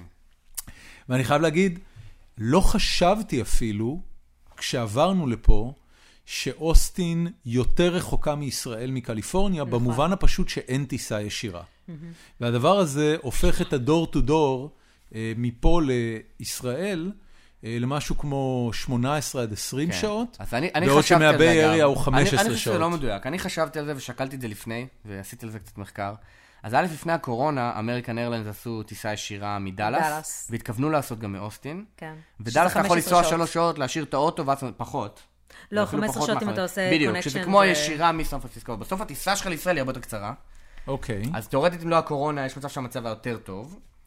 אה, אבל אני חושב שהטיסה לישראל דווקא היא, היא שוות ערך, כי אמנם בשעות זה אולי טיפה יותר, שזה בערך הזמן של ה layover, נגיד זה 17 בניגוד ל-15, כן. אבל הטיסה היא יותר טובה, כי הטיסה היא בשתיים בערב, אתה מגיע ללייאובר מחכה, ובסוף אתה יוצא, נגיד מאורד, בסדר? שיקגו. משיקגו, לישראל, לטיסה שהיא קצרה מ-15 שעות, בערב לטיסת לילה. שזה הרבה יותר טוב מהמקבילה הישירה בקליפורניה, אני תמיד טסתי יונייטד, תמיד סגדתי לישירה. כשאתה טס בחצות או באחת בלילה, ואז אתה טס 15 שעות, זה מין טיסת לילה דפוקה כזאת, כי הילדים שלך כבר מרוטים, כי זה באמצע הלילה. כן. אז, אז בסוף לגבי הקרבה לישראל, אני חושב שזה שם קוד אותו דבר, אולי אפילו יותר טוב, אבל זה נורא סובייקטיבי. ומה אני חושבת- לגבי ה- לגבי האנשים? האם יש עוד אספקטים שבהם אה, אוסטין טובה או פחות טובה מקליפורניה אה, ביחס לקשר עם האנשים? אנחנו, הנגיעה שהייתה לנו בקליפורניה לא יצרה מערכות יחסים עמוקות. אוקיי. אז קשה לי לענות על זה. אני כן יכולה להגיד שמהרגע שהגענו לפה, פתחו את ביתם כל כך הרבה חברים שהיום הם חברים שאתה לא מאמין שאתה מצליח להשיג לפעמים באמצע החיים, אה, אבל חברים מאוד מאוד טובים. יש, אני שומעת הרבה פעמים את הדיבור הזה על אה, חברים של רילוקיישן, הם חברים שאתה נאלץ להיות אה, איתם, ולא שבחר. לא, לא שמעתי את זה האמת אף פעם. אני שמעתי את זה כבר אם כבר כמה ההפך, פעמים. חברים שאתה עושה איתם חגים, שבישראל את החגים אתה עושה עם משפחה. אני חד כן? משמעית מסכימה שהם הם הופכים להיות המשפחה. זאת אומרת, כשאם אני יודעת שאני הולכת לחדר לידה עוד אה, ארבעה שבועות, יש לי חברות שיודעות שהן לוקחות את הילדה שלי. כן, בדיוק. אז, אז זה קרבה... כן. אה, לנו זה היה קשה. לנו היה חברים מאוד טובים מקליפורניה, אנחנו עדיין מתגעגעים אליהם ואוהבים אותם ובקשר איתם. אה, ועדיין אני חושב שזו הייתה החלטה נכונה. יש פה פחות ישראלים אגב, כפוטנציאל. אה, אז כן, זה שיקול. אוקיי. אמ, כשאתם נמצאים בארצות הברית, למה אתם מתגעגעים בארץ? וכשאתם נמצאים בארץ, למה אתם מתגעגעים בארצות הברית? וואו, שאלה וואו. טובה. כן. שאלת רילוקיישן יניב קטן. כללית. כן. אה, בפרק הקודם, אגב, אה, סליחה, לפני שני פרקים הקלטתי עם אה, חיים שפיר, שגם היה לו אפיזודת רילוקיישן בחיים, והוא אמר שאחרי שאתה חי בחו"ל, בכל מקום שבו אתה תהיה, אתה בצד הלא נכון של האוקיינוס. זאת אומרת, נכון. אתה תמיד מוצא את עצמך מתגעגע. נכון. מהרגע שהיגרת, השני. אתה כן. לנצח מהגר. כן. אז, אז למה את מתגעגעת בארץ? זה נורא קל. מעבר ל-obvious, שזה אה, לראות את הסבא וסבתא מגדלים את הנכדים, שאני חושבת שזה obvious ואפשר לשים את זה בצד. האוכל בישראל מצוין. כן. אני כן. כן. בהחלט, בהחלט מתגעגעת לזה שכל פלאפליה וכל שורמרמיה, ולשבת על הים ולאכול איזה חומוס מעפן, יש להכל טעם טוב. אה, או לחם. כאילו, כן, אין, לא- אין פה לחם טוב כמו בישראל, נכון. לא יעזור. נכון, נכון. מאפיות, י- יש, לחם זה קשה. בגדול, ישראל, בגלל שהיא כזאת מדינה ש, שהגיעו מכל מקום בעולם, היא למדה לקחת את, בתחום האוכל את הטוב כן. מכל מקום ולעשות איזשהו היבריד מדהים. אני חושב שזה בעיקר אה, אה, כמה שישראל קטנה וכמה שהכל הוא farm to table. הסיפור ב- בארצות הברית זה שלא משנה איפה תקני אוכל מלבד שווקי איכרים, אה, האוכל נוסע ימים בדרכו לסופר שליד הבית שלך, ובישראל... אבל זה מאפייה, אבל לא שזה מאפייה. הם עושים את ה... הם עושים את אתה לא חושב שזה זה? לא, אני חושב שזה DNA תרבותי. אני מסכימה. אה, אני חושב שה... כאילו, מה שאמרת על זה שברגע שאתה עובר, זהו, אתה מהגר ואתה אף פעם לא בבית. אני חושב שמה שאני למדתי זה שכמו כל דבר בחיים, זה שזה לא שחור לבן, זה ספקטרום. וכשאתה בישראל, בסוף לא יעזור, אתה גדל שם, זה כל מה שאתה מכיר. אתה לא באמת מבין שיש אפשרות. היה לי הרבה חברים שעשו רילוקיישן הרבה שנים. עד שאתה לא עושה את זה בעצמך וחווה מה זה לחיות במקום אחר, אתה לא מבין שאפשר אחרת. כן. נכון? כן. אז אה, כאילו הביקורת שיש לך כלפי דברים בישראל, לא משנה, מרקם החיים שמשהו מציג לך, בסוף זה, זה ספציפי לזה, ואתה אומר, אוי, הלוואי ועושים את זה טיפה אחרת, אבל אתה לא באמת מבין בראש שלך שיש מקום שהוא הפוך, כן? אז אני רוצה להגיד גם אה, עוד אז משהו. אוכל זה דוגמה ללמה זה הפוך תרבותית, ויש דברים אחרים, אה, שאני חושב שזה פשוט דבר נורא נורא תרבותי, שהוא הוא אינהרנטית נורא שונה. אה, יש בישראל אלמנט של אה, גם אימא יהודייה ומבשלת וחגים וזה, אבל גם אמריקאים חגים שלהם נורא סובבים סביב אוכל. אבל אה, יש בישראל DNA הרבה יותר אה, של חדש ושל להשקיע בדברים, ואמריקאים יש להם DNA של If, it's, if it ain't broken, don't fix it. שמרנות. מאוד שמרני. כן, כן. שמרנות. ואני חושב שהאלמנט הזה מחלחל לאוכל, והדבר הזה עושה את, ה, את התהום בהבדל בין אוכל בין ישראל לבין uh, אמריקה. לדעתי. אני רוצה להרחיב את התשובה שלי, שזה הגבלה גם לאוכל. כשאני הגעתי לכאן, אני חושבת שהייתי בדיכאון כמה חודשים טובים, שבעצם לא ידעתי שאני נמצאת במעצמה של, בעולם העיצוב. ישראל יודעת לקחת את כל הטוב מאירופה, מיפן, היא, היא, היא מסתכלת רחב מאוד בדברים האלה, וכל דירה הכי פרקקטה באיזשהו בניין אה, מחיר למשתכן, תהיה מעוצבת ברמה היי-אנדית, ואז אתה מגיע לארצות הברית שהיא הכי מתקדמת בעולם, ואתה תקוע 15 שנה אחורה בעיצוב. ואם חלילה אתה רוצה מטבח מאירופה, אז מעבר להמתנה של בין ארבעה חודשים לשנה, אה, בתלוי אה, קורונה, אני חושב שיש הרבה אנשים שמאזינים לך עכשיו שחיים בארץ ומזועזעים ממה שאמרת על ישראל. א- אני לא ראיתי אף פעם דירות מעוצבות טוב בישראל. לא, לא נכון. באמת? זה אתה תמיד... לא בקבוצות בתים פייסבוק. אני בישראל לא, הרבה יותר יפים אני מפה, לא. לדעתי בממוצע. וואלה. בטח בביי, שאתה עובר לג... לבית שיש בו מטבח מה- זה ברור, מה-70's. זה ברור. אבל גם פה, גם כש... אז פה אתה לא קונה בית מה-70's, אתה קונה בית משנת 2000, אבל העיצוב בפנים הוא משנת, הש- משנות ה-80. נכון. כן. הם אחורה, הם... אני יודע לעשות מטבח, ואני עושה את זה עכשיו. מדי פעם אני אהפוך את זה מהעץ הזה לעץ הזה, מהגוני. אבל, אה, אבל הם מאחורה, ו, וזה צרם לי, וזה אותו דבר, אני חושבת בדיוק על, גם על עניין האוכל. יש משהו בישראל שיודעת להסתכל רחב ולקחת את מה שטוב במקומות, אם זה אירופה, אין גבולות. זה אירופה, אני לא חושב, אגב, שענינו זה- לשאלה. כן, אני לא חושב שענינו לשאלה של... למה, למה אני מתגעגעת? כן, אבל... אני מתגעגעת ללכת לחנות עיצוב טובה ול, ולראות affordable באופן יחסי, כן? אה, כן, אבל את מעצבת- for a living, כן? זה נורא סובייקטיבי נכון. לך. אני חושב. שהממוצע של ישראלים, נגיד נעשה ממוצע על שיחת סלון של 50 או 100 ישראלים, על מה ההבדל בין ישראל לארה"ב או לקליפורניה או אז טקסס, אני- אז על זה שבישראל נורא אגרסיבי ונורא הישרדותי. נכון, הפוך, כן. וגם המדינה היא נורא לא, אבל זה... לא אבל- מאפשרת לך אתה- יותר מחיה, אתה יש עובר יוקר עכשיו מחיה לשאלה נורא אחרת. גבוה. דיברנו על למה היא מתגעגעת. למה את אוקיי. מתגעגעת מהארץ? כשאת בארץ, למה את מתגעגעת פה? ש... או, זה קל. למה? אה, קודם כל, קודם כל הנחת. זאת אומרת, אני לא זוכרת מתי הפעם האחרונה צפרתי במכונית שלי. אה, נכון. וזה לא הגזמה. היינו עכשיו ביוסטון בסופש, מה שאמרתי, ופתאום צפרו לי ברמזור, וזה זעזע אותי. כמה- רגע, מה מה זה? מה זאת אומרת? מי צופר אני זוכר פה? שזה קרה לי גם בישראל. זאת אומרת, מי- מי צופר פה? אתה יודע, זה לא... insane? מה זה, אתה יש לו רובה? את מה צופה קורה? הרבה למקרה זה חירום. זה נכון. ממש בסדר שהרמזור מתחלף מאדום לירוק, כן. ולא ישר תוקעים לך זמבורה. באוזן. אגב, אני זוכר את זה, אח שלי חי בארצות הברית הרבה שנים, והיה לי חברים ברילוקיישן, והייתי נוסע איתם כשהם מבקרים בישראל, והייתי אומר, בואנה, אתה נוסע כמו זקנה. תזוז כבר, מה קורה איתך? זה היה מעצבן אותי כישראלית, כן? כן, כן, ופתאום אתה קולט אתה שה... ממהר לכל מקום, בסוף גם כשאתה המוח לא. שלך הוא בטורים גבוהים, הוא כן, בסטרס, לא כן, רק כן, בכביש, כן, הכביש זה כן. פשוט דוגמה, זה- כן? הוא במ- הוא במלחמת קיום. נכון. כן. אה, העניין הזה של מלחמת קיום, אתה לא מרגיש אותו ב- במקום כמו לא. אוסטין. המ- המקום הזה בנוי כולו אה, ומכוות כולו ל-quality of life. נכון. כן. אה, הוא לא מכוות בכלל למלחמת קיום, זה לא העניין. טוב, איך המעבר לאוסטין השפיע על התפיסה הפוליטית שלכם, אם בכלל?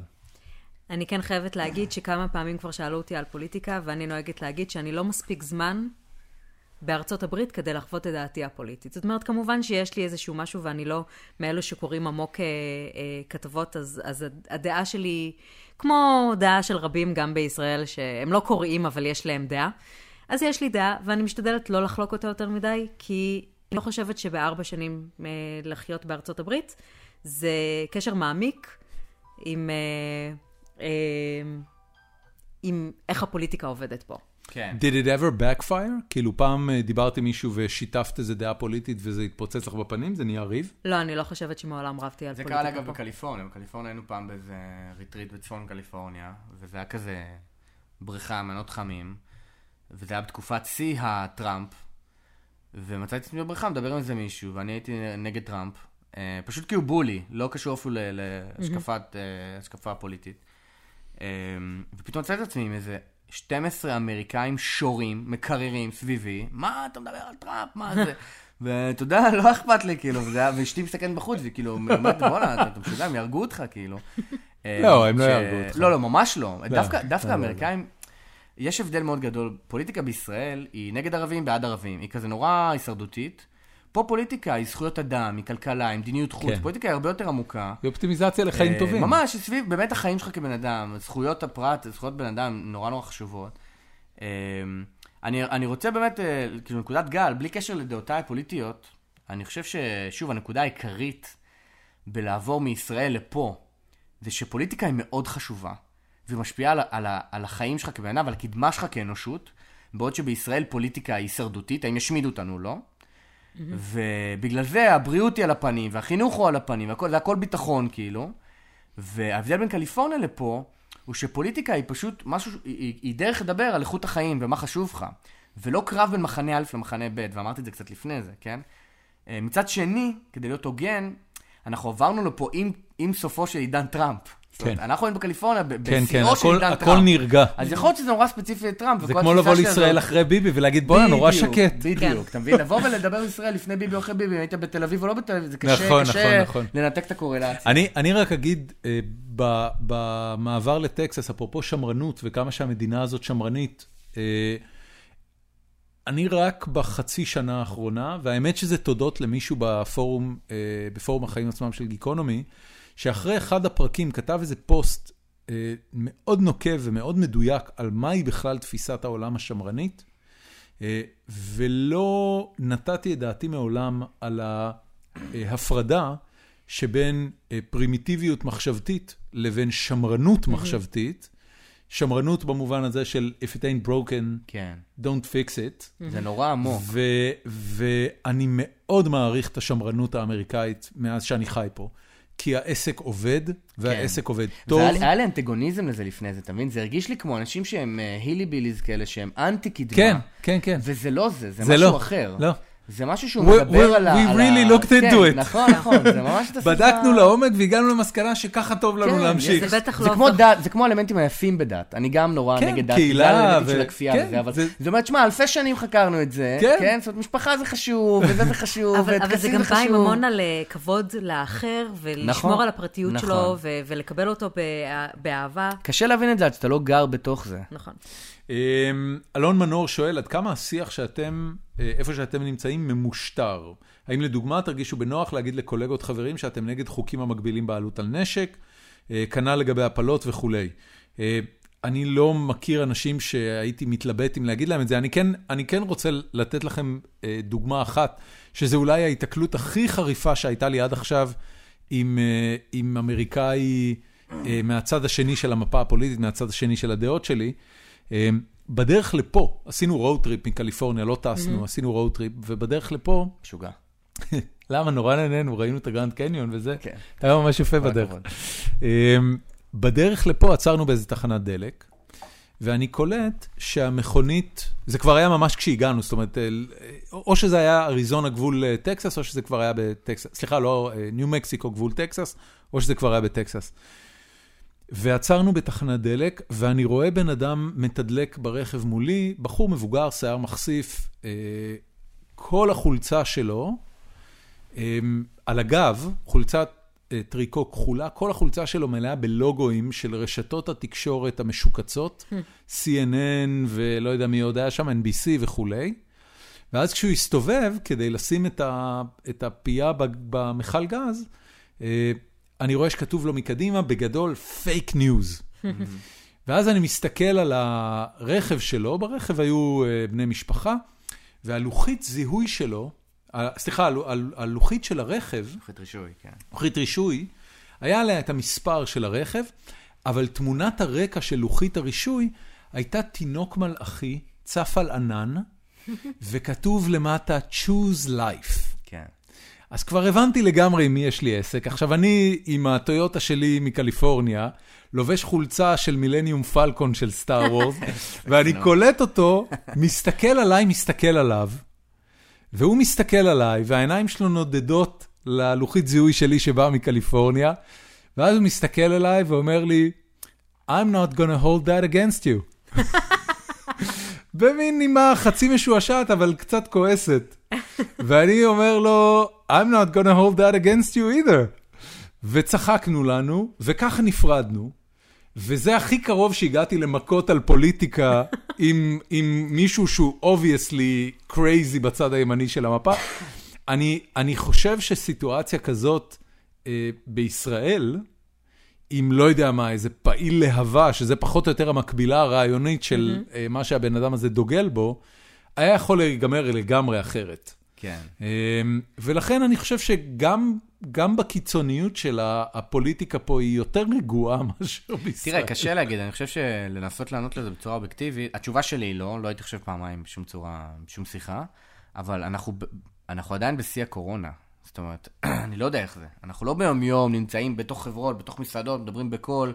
אה, אפילו שהחיים פה הרבה יותר פתוחים. אתה, אתה חושב שיכול להיות... אה, יכול להיות שאם היית גר פה לפני שלוש שנים, תוכל גם גרה פה. אם אתה מביא את, ה, את הגישה הזאת, אז בעצם המשטור הוא פשוט לא לדבר פוליטיקה, זה לא להחזיק בדעה כזאת מול דעה אחרת. אני פשוט חושב שהדיבור פה בפוליטיקה הוא אה, פחות...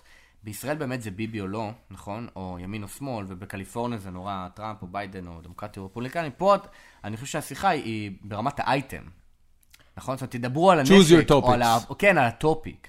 שזה מה שהייתי רוצה שפוליטיקה, בסוף פוליטיקה המטרה שלה היא לשפר את הרמת חיים שלנו, נכון? או לפחות לתחזק אותה.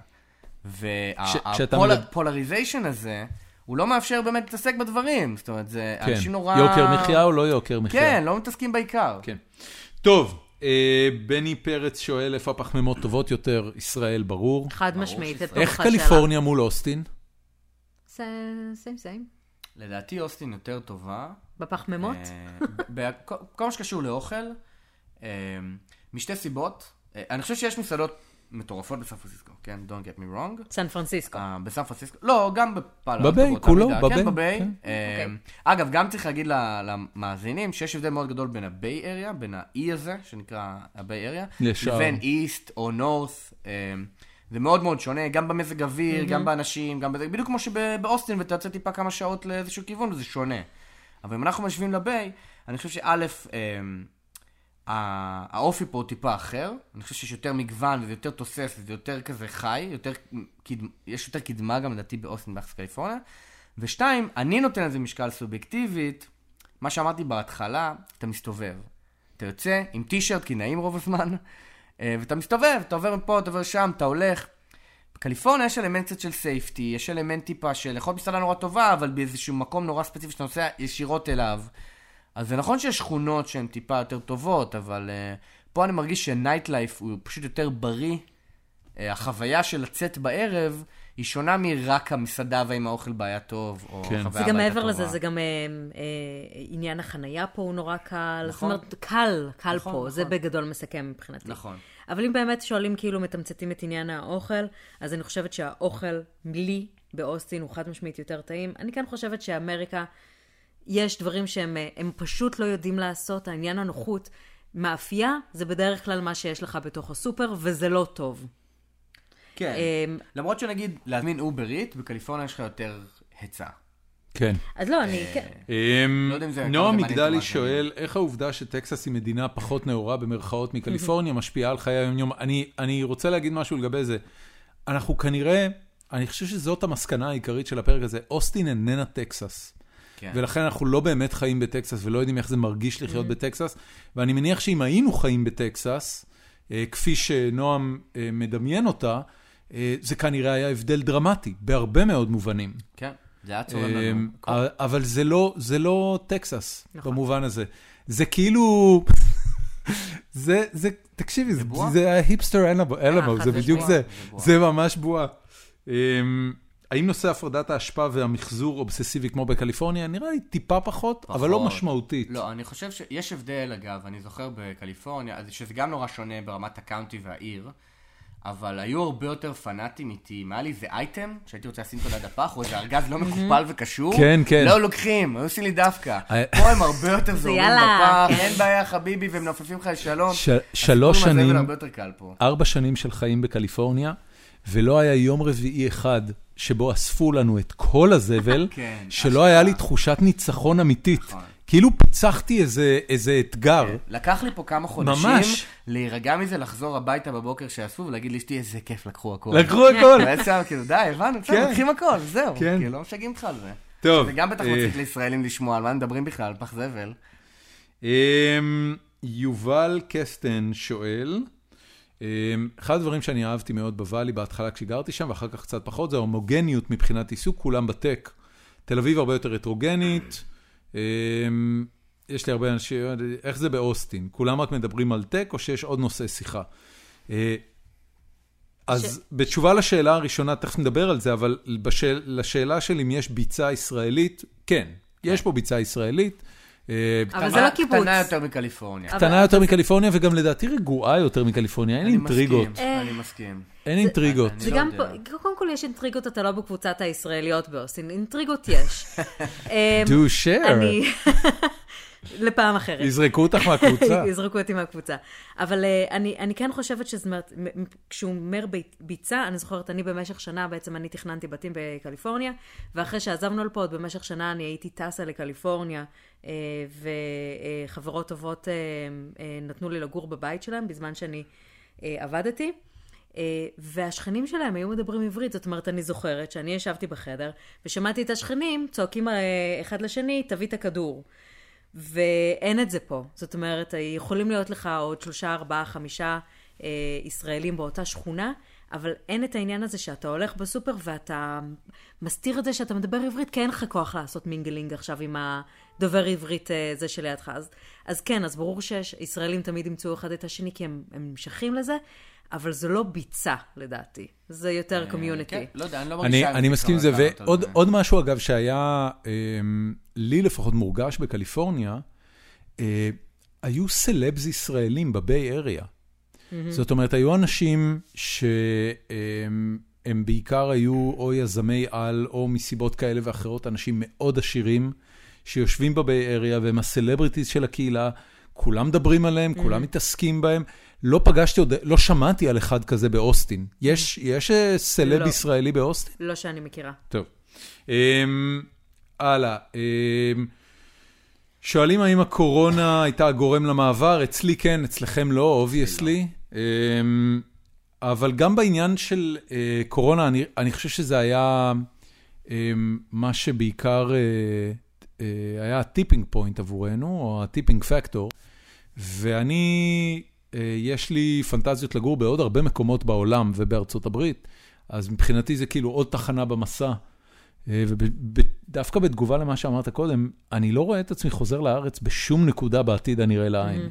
תראה, אני, לא, אני לא מצליח לדמיין את עצמי לא חי יותר בארץ אף פעם. זה segue טוב, אני חשבתי מתי תהיה הזדמנות להגיד את זה. אמ, אני מבחינתי, שוב, סובייקטיבית לי, אני גם מתגעגע מאוד לישראליות, כן? זאת אומרת, זה דבר שנורא הפריע לי ב... כשהייתי בישראל, אבל כשבאתי לפה למדתי להעריך את האלמנטים האמריקאים, אנש... הכל פחות intense, פחות מהיר, פחות uh, אגרסיבי. כן. אבל לעבוד עם אמריקאים מכל הסוגים, יש לי געגוע לתכלסיות הישראלית. Mm-hmm. עכשיו, זה מלווה בעבודת יתר ובלחץ יתר ובהמון דברים כאלה, אבל לא יעזור, אני לא אתגלגל מצחוק בשולחן uh, פוקר או, או בירה כמו שאני אהיה עם ישראלים, פשוט זו התרבות שגדלתי בה. נו, בסדר. אמ, אז זה דבר שאני כן מאוד מתגעגע אליו, זה והורים. עכשיו, אם ההורים שלי ואו של אשתי, חס וחלילה כבר לא היו איתנו וזה, אז היה הרבה פחות משהו שמושך אותי חזרה לישראל. Mm-hmm. מעבר לאלמנט הישראלי, טיפה ציונות, אבל האלמנט הישראלי יותר של, אני חושב שאם, אה, מאוד קשה לייצר את זה פה. כן. גם יש לך פה חברים ישראלים. אני רוצה רק לענות לך על נקודת הציונות. אה, קשה כמובן להתווכח עם הסנטימנט, כי מה שאתה מתאר הוא באמת אה, אה, תחושה מאוד חזקה. אני בטוח, בכל פרמטר שאני מצליח לדמיין, mm-hmm. שהנוכחות האישית שלי בארצות הברית תרמה יותר לציונות מהעשור שלפני זה חייתי בארץ. גם ברמת מקומות העבודה שזה ייצר בארץ, גם ברמת הקשרים המסחריים שזה ייצר בארץ. בכל הפרמטרים שבהם אתה מודד את טובת הצלחת הפרויקט הציוני? אז אני לא מסכים איתך. אוקיי. גם, גם לגביך, לא לגביי, בסדר? אני אביא את הרובה. אני אגיד לך למה. כן, גל, תביא לנו את הרובים שלך. אני חושב ש... כי אני חושב שמה שהייתי מאחל לישראל, מה שהייתי מאחל שהיא תשתפר בו, זה דווקא ברמת האנשים וה-DNA התרבותי. ואני זוכר חברים שעשו רילוקיישן, שהם היו נראים לי איטיים מדי, כמו שאמרתי, נושאים כמו זקנה, היו תמיד מדברים על כמה ישראל אגרסיבי, זה היה מפריע לי, אה, וזה באמת מה שחסר. והדרך לעשות את ההשפעה הזאת היא להיות שם. זאת אומרת, אתה תגדל פה חברה בת 20-50 אנשים, והיא תהיה, ש... תהיה יוניקורן, תהיה שווה מיליארד דולר, שזה שווה 200 או 500 מיליון דולר במיסים, ווטאבר, איזה מטריקות שאין לך, אה, שיש לך, אני חושב שזה פחות חשוב מה, מההשפעה על ה-DNA ועל אנשים ואיך שהם מתנהלים, שזה יותר טוב. זאת אומרת שהחיים בישראל באמת יהיו טובים, שאנשים פחות יתעסקו במה יש לאחר, ולמה הוא מצליח וההוא לא, ופחות יהיו בלחץ וב... וזה אפשר לעשות ו- בלהיות שם. אחרי שחווית את זה פה, להביא את זה חזרה לישראל ולשפר את זה טיפה בישראל. אתה מרגיש שאנשים שעשו רילוקיישן וחזרו לארץ, אה, משפרים במשהו? את- כן. באמת? אני מסתכל על חברות שהייתי מאחל לעצמי שאני אקים, והרבה מהם זה פאונדרים, זה מנכ"לים או, או, או קו-פאונדרים שבאו אחרי תקופה ב- בוואלי, והם יותר רגועים. הם לא בסטרס שחייבים לעבוד אל תוך הלילה וחייבים לעבוד כל הזמן והכל כל הזמן בלחץ. הם לא מתקשקשים בשטויות של הוואו עם ה... לא יודע מה, הסוואג שקונים לאנשים או החדר אוכל הוא הכי יוקרתי, כי הם היו במקום פסיכיים ומבינים שזה לא חשוב. אמ, אז אני חושב שיש באמת משהו נורא מעניין. בעל ערך שאתה אומר. להשאיר את ישראל בזה, בלחזור. אני עבדתי תקופה בחברה עם, אה, שהייתה ישראלית כקליפורניאית, אה, ואני הרגשתי שההפך הוא זה שקורה, זאת אומרת שהצביון הישראלי לעבודה אה, לא בריאה ולחוצה, מעפילה על הצביון האמריקאי, שהם לא ידעו איך כל כך איך להתמודד עם זה, כי הדרישה הייתה לעבוד בעצם כל סביב כל השעון, הזמן. להיות תמיד זמין. תקשיבו, זמננו תם. היינו יכולים להמשיך בטח עוד שעה בקלות, אבל uh, נסיים במשהו שאני מקפיד לעשות בסוף כל פרק, וזה המלצות. אז בגלל שאנחנו מדברים על אוסטין, uh, אז, אז שזה יהיה המלצות על אוסטין, למי שבמקרה מגיע לו, יוצא לו לבקר פה. Uh, מה לדעתך uh, שלושת הדברים שחובה לישראלי לעשות אם הוא במקרה מגיע לאוסטין, לא משנה מאיפה. נהדר, שאלה מצוינת. אה, אם מגיעים בקיץ, חובה לקחת סירה עם אה, כזה, אה, דונאט? ג'ריקה? לא, לא, כזה ג'ריקן של אה, cooler, כן. מלא בפירות ובירות, לעלות ולצאת על האגם, לשייט, על על האגם. האגם. כן. אחת החוויות היותר כיפיות שיש פה. בכלליות, אוסטין בקיץ, שהיא חמה להחריד, בכלל לא דיברנו על המזג אוויר. כן. מזג אוויר בטקסס לא כיף. לא מסכים. אוקיי, בסדר. הכל יחסי כמובן. כן. אבל, אבל חם, אה, כמו ישראל. אה, רק פחות מזיעים. נכון, פחות מזיעים, ויש פה כל כך הרבה לא, פעילויות אבל מים. המלצות, אל תבצע, אל אז אני. אומרת, כל פעילות מים, אתה מגיע לכאן בקיץ, כל פעילות מים. אז זה המלצה ראשונה, מה נכון. השני? המלצה השנייה שמגיעים לאוסטין היא ללכת לכמה מהמסעדות הטובות. אני ממליצה על ראמן טצויה, מסעדת רחוב מדהימה של ראמן. מאוד אפורדבול, מאוד כיפי, לפעמים קצת צריך לחכות מעולה, אני. שם לינק בפרק. והשלישי? התקלת. תחשבי בינתיים. כן. נדב, אוקיי, שלושה של- דברים. שלוש המלצות. כן. אחד זה ללכת לבית של מישהו שגר פה, בתקווה עם בריכה, ולראות מה ההבדל ב-value for money. אתה אומר, וואו, זה בית מדהים, דוגמה, הבית שלך, בית יפהפה. תודה. אתה אומר, דבר כזה בישראל, אלוהים, אלוהים יודע כמה זה יעלה לי, או בקליפורניה. כן. שתיים, ללכת למסעדה טובה, ממליץ על אוצ'יקו או אבא, שהיא אגב style ישראלי. מסעדה ברמה, ולהסתובב גם ברחוב ובאזור, ולראות כמה כיף בטישרט להסתובב. כן. אמ, שלוש, ללכת לדומיין. הדומיין זה, זה, הדומיין זה השרונה מרקט של אה, כן, זה אוסטין. השרונה של אוסטין, אתה רק פתאום קולט את ה scale, אתה קולט שהכל חדשני. אין שרונה בוואלי. כן, אין. אין. אתה יכול ללכת לפאלו אלטו לסטנפורד מול, נכון, זה וזה- זה. זה אולי נושק לזה, אבל זה לא אותו דבר. נכון, נכון, נכון. אלה השלוש. אני באתי להגיד, רייני סטריט. נכון. Downtown. אחלה רחוב, שיקי, הוא, הוא מראה לך את ההיפסטריות שיש באוסטין. אה, זה רחוב של ברים, אתה יכול ללכת מבר לבר לנדוד, לשתות נכון. בירות. יש לך food trucks, זה חלק מאוד מאוד ב- עיקרי בצביון של אה, החיים פה. ופשוט ליהנות מערב, שאתה לא יושב במקום אחד, אלא חלק מהחוויה זה הטיול זה בתוך פשוט הרחוב. להסתובב. כן. טוב, אז אני אתן שלוש, אחת לא קונבנציונלית. אוסטין היא בירת טקסס, וככזו יש לה את בית הפרלמנט של טקסס. אה, הוא נורא מעניין. הוא נורא מעניין רק בגלל ההיסטוריה, בגלל ציורי הקיר הענקיים של האלמו ושל אה, אה, סן ג'סינטו, הקרבות שבזכותם אה, אה, טקסס קיבלה עצמאות. כדאי אגב, אפשר לעשות שם tour, נכון. והוא מעולה. כן. נכון, אני לא נכון, עשיתי נכון. אותו, יש אני היום? שהוא מעולה. אני, אני גם לא עשיתי אותו, ואני יודע שהוא מעולה, ו- אנחנו ואני הסתובבתי שם לבד, ו- כן. ופשוט נורא נהניתי, אה, כי אני חנון של היסטוריה כזה. אה, הדבר השני, אה, זה לא סירה על האגם, אבל כן רציתי להגיד שיט על הנהר. אה, קצת כמו הירקון לאוסטין, יש את אה, נהר הקולורדו שעובר דרכה, ויש שם פארק גדול שנקרא ליידי ברד ג'ונסון פארק, על שם אשתו של לינדון ג'ונסון. אה, והפארק הזה הוא פשוט פארק משגע, גם אנשים יפים, גם סאפים, יומם ולילה. ואם במקרה גם נפלת על סוף שבוע שיש בו פסטיבל מוזיקה, אז אתה יכול תוך כדי שאתה שט על הנהר לשמוע הופעות מוזיקה מקסים. מזילקר פארק שנמצא בצד השני, וזה נורא נורא כיף. והדבר השלישי, אה, בריסקט. לא אה, יעזור. כלום. זה, זה או טרי בלק, זה. אהרון פל- פרנקלין, זה רודיז.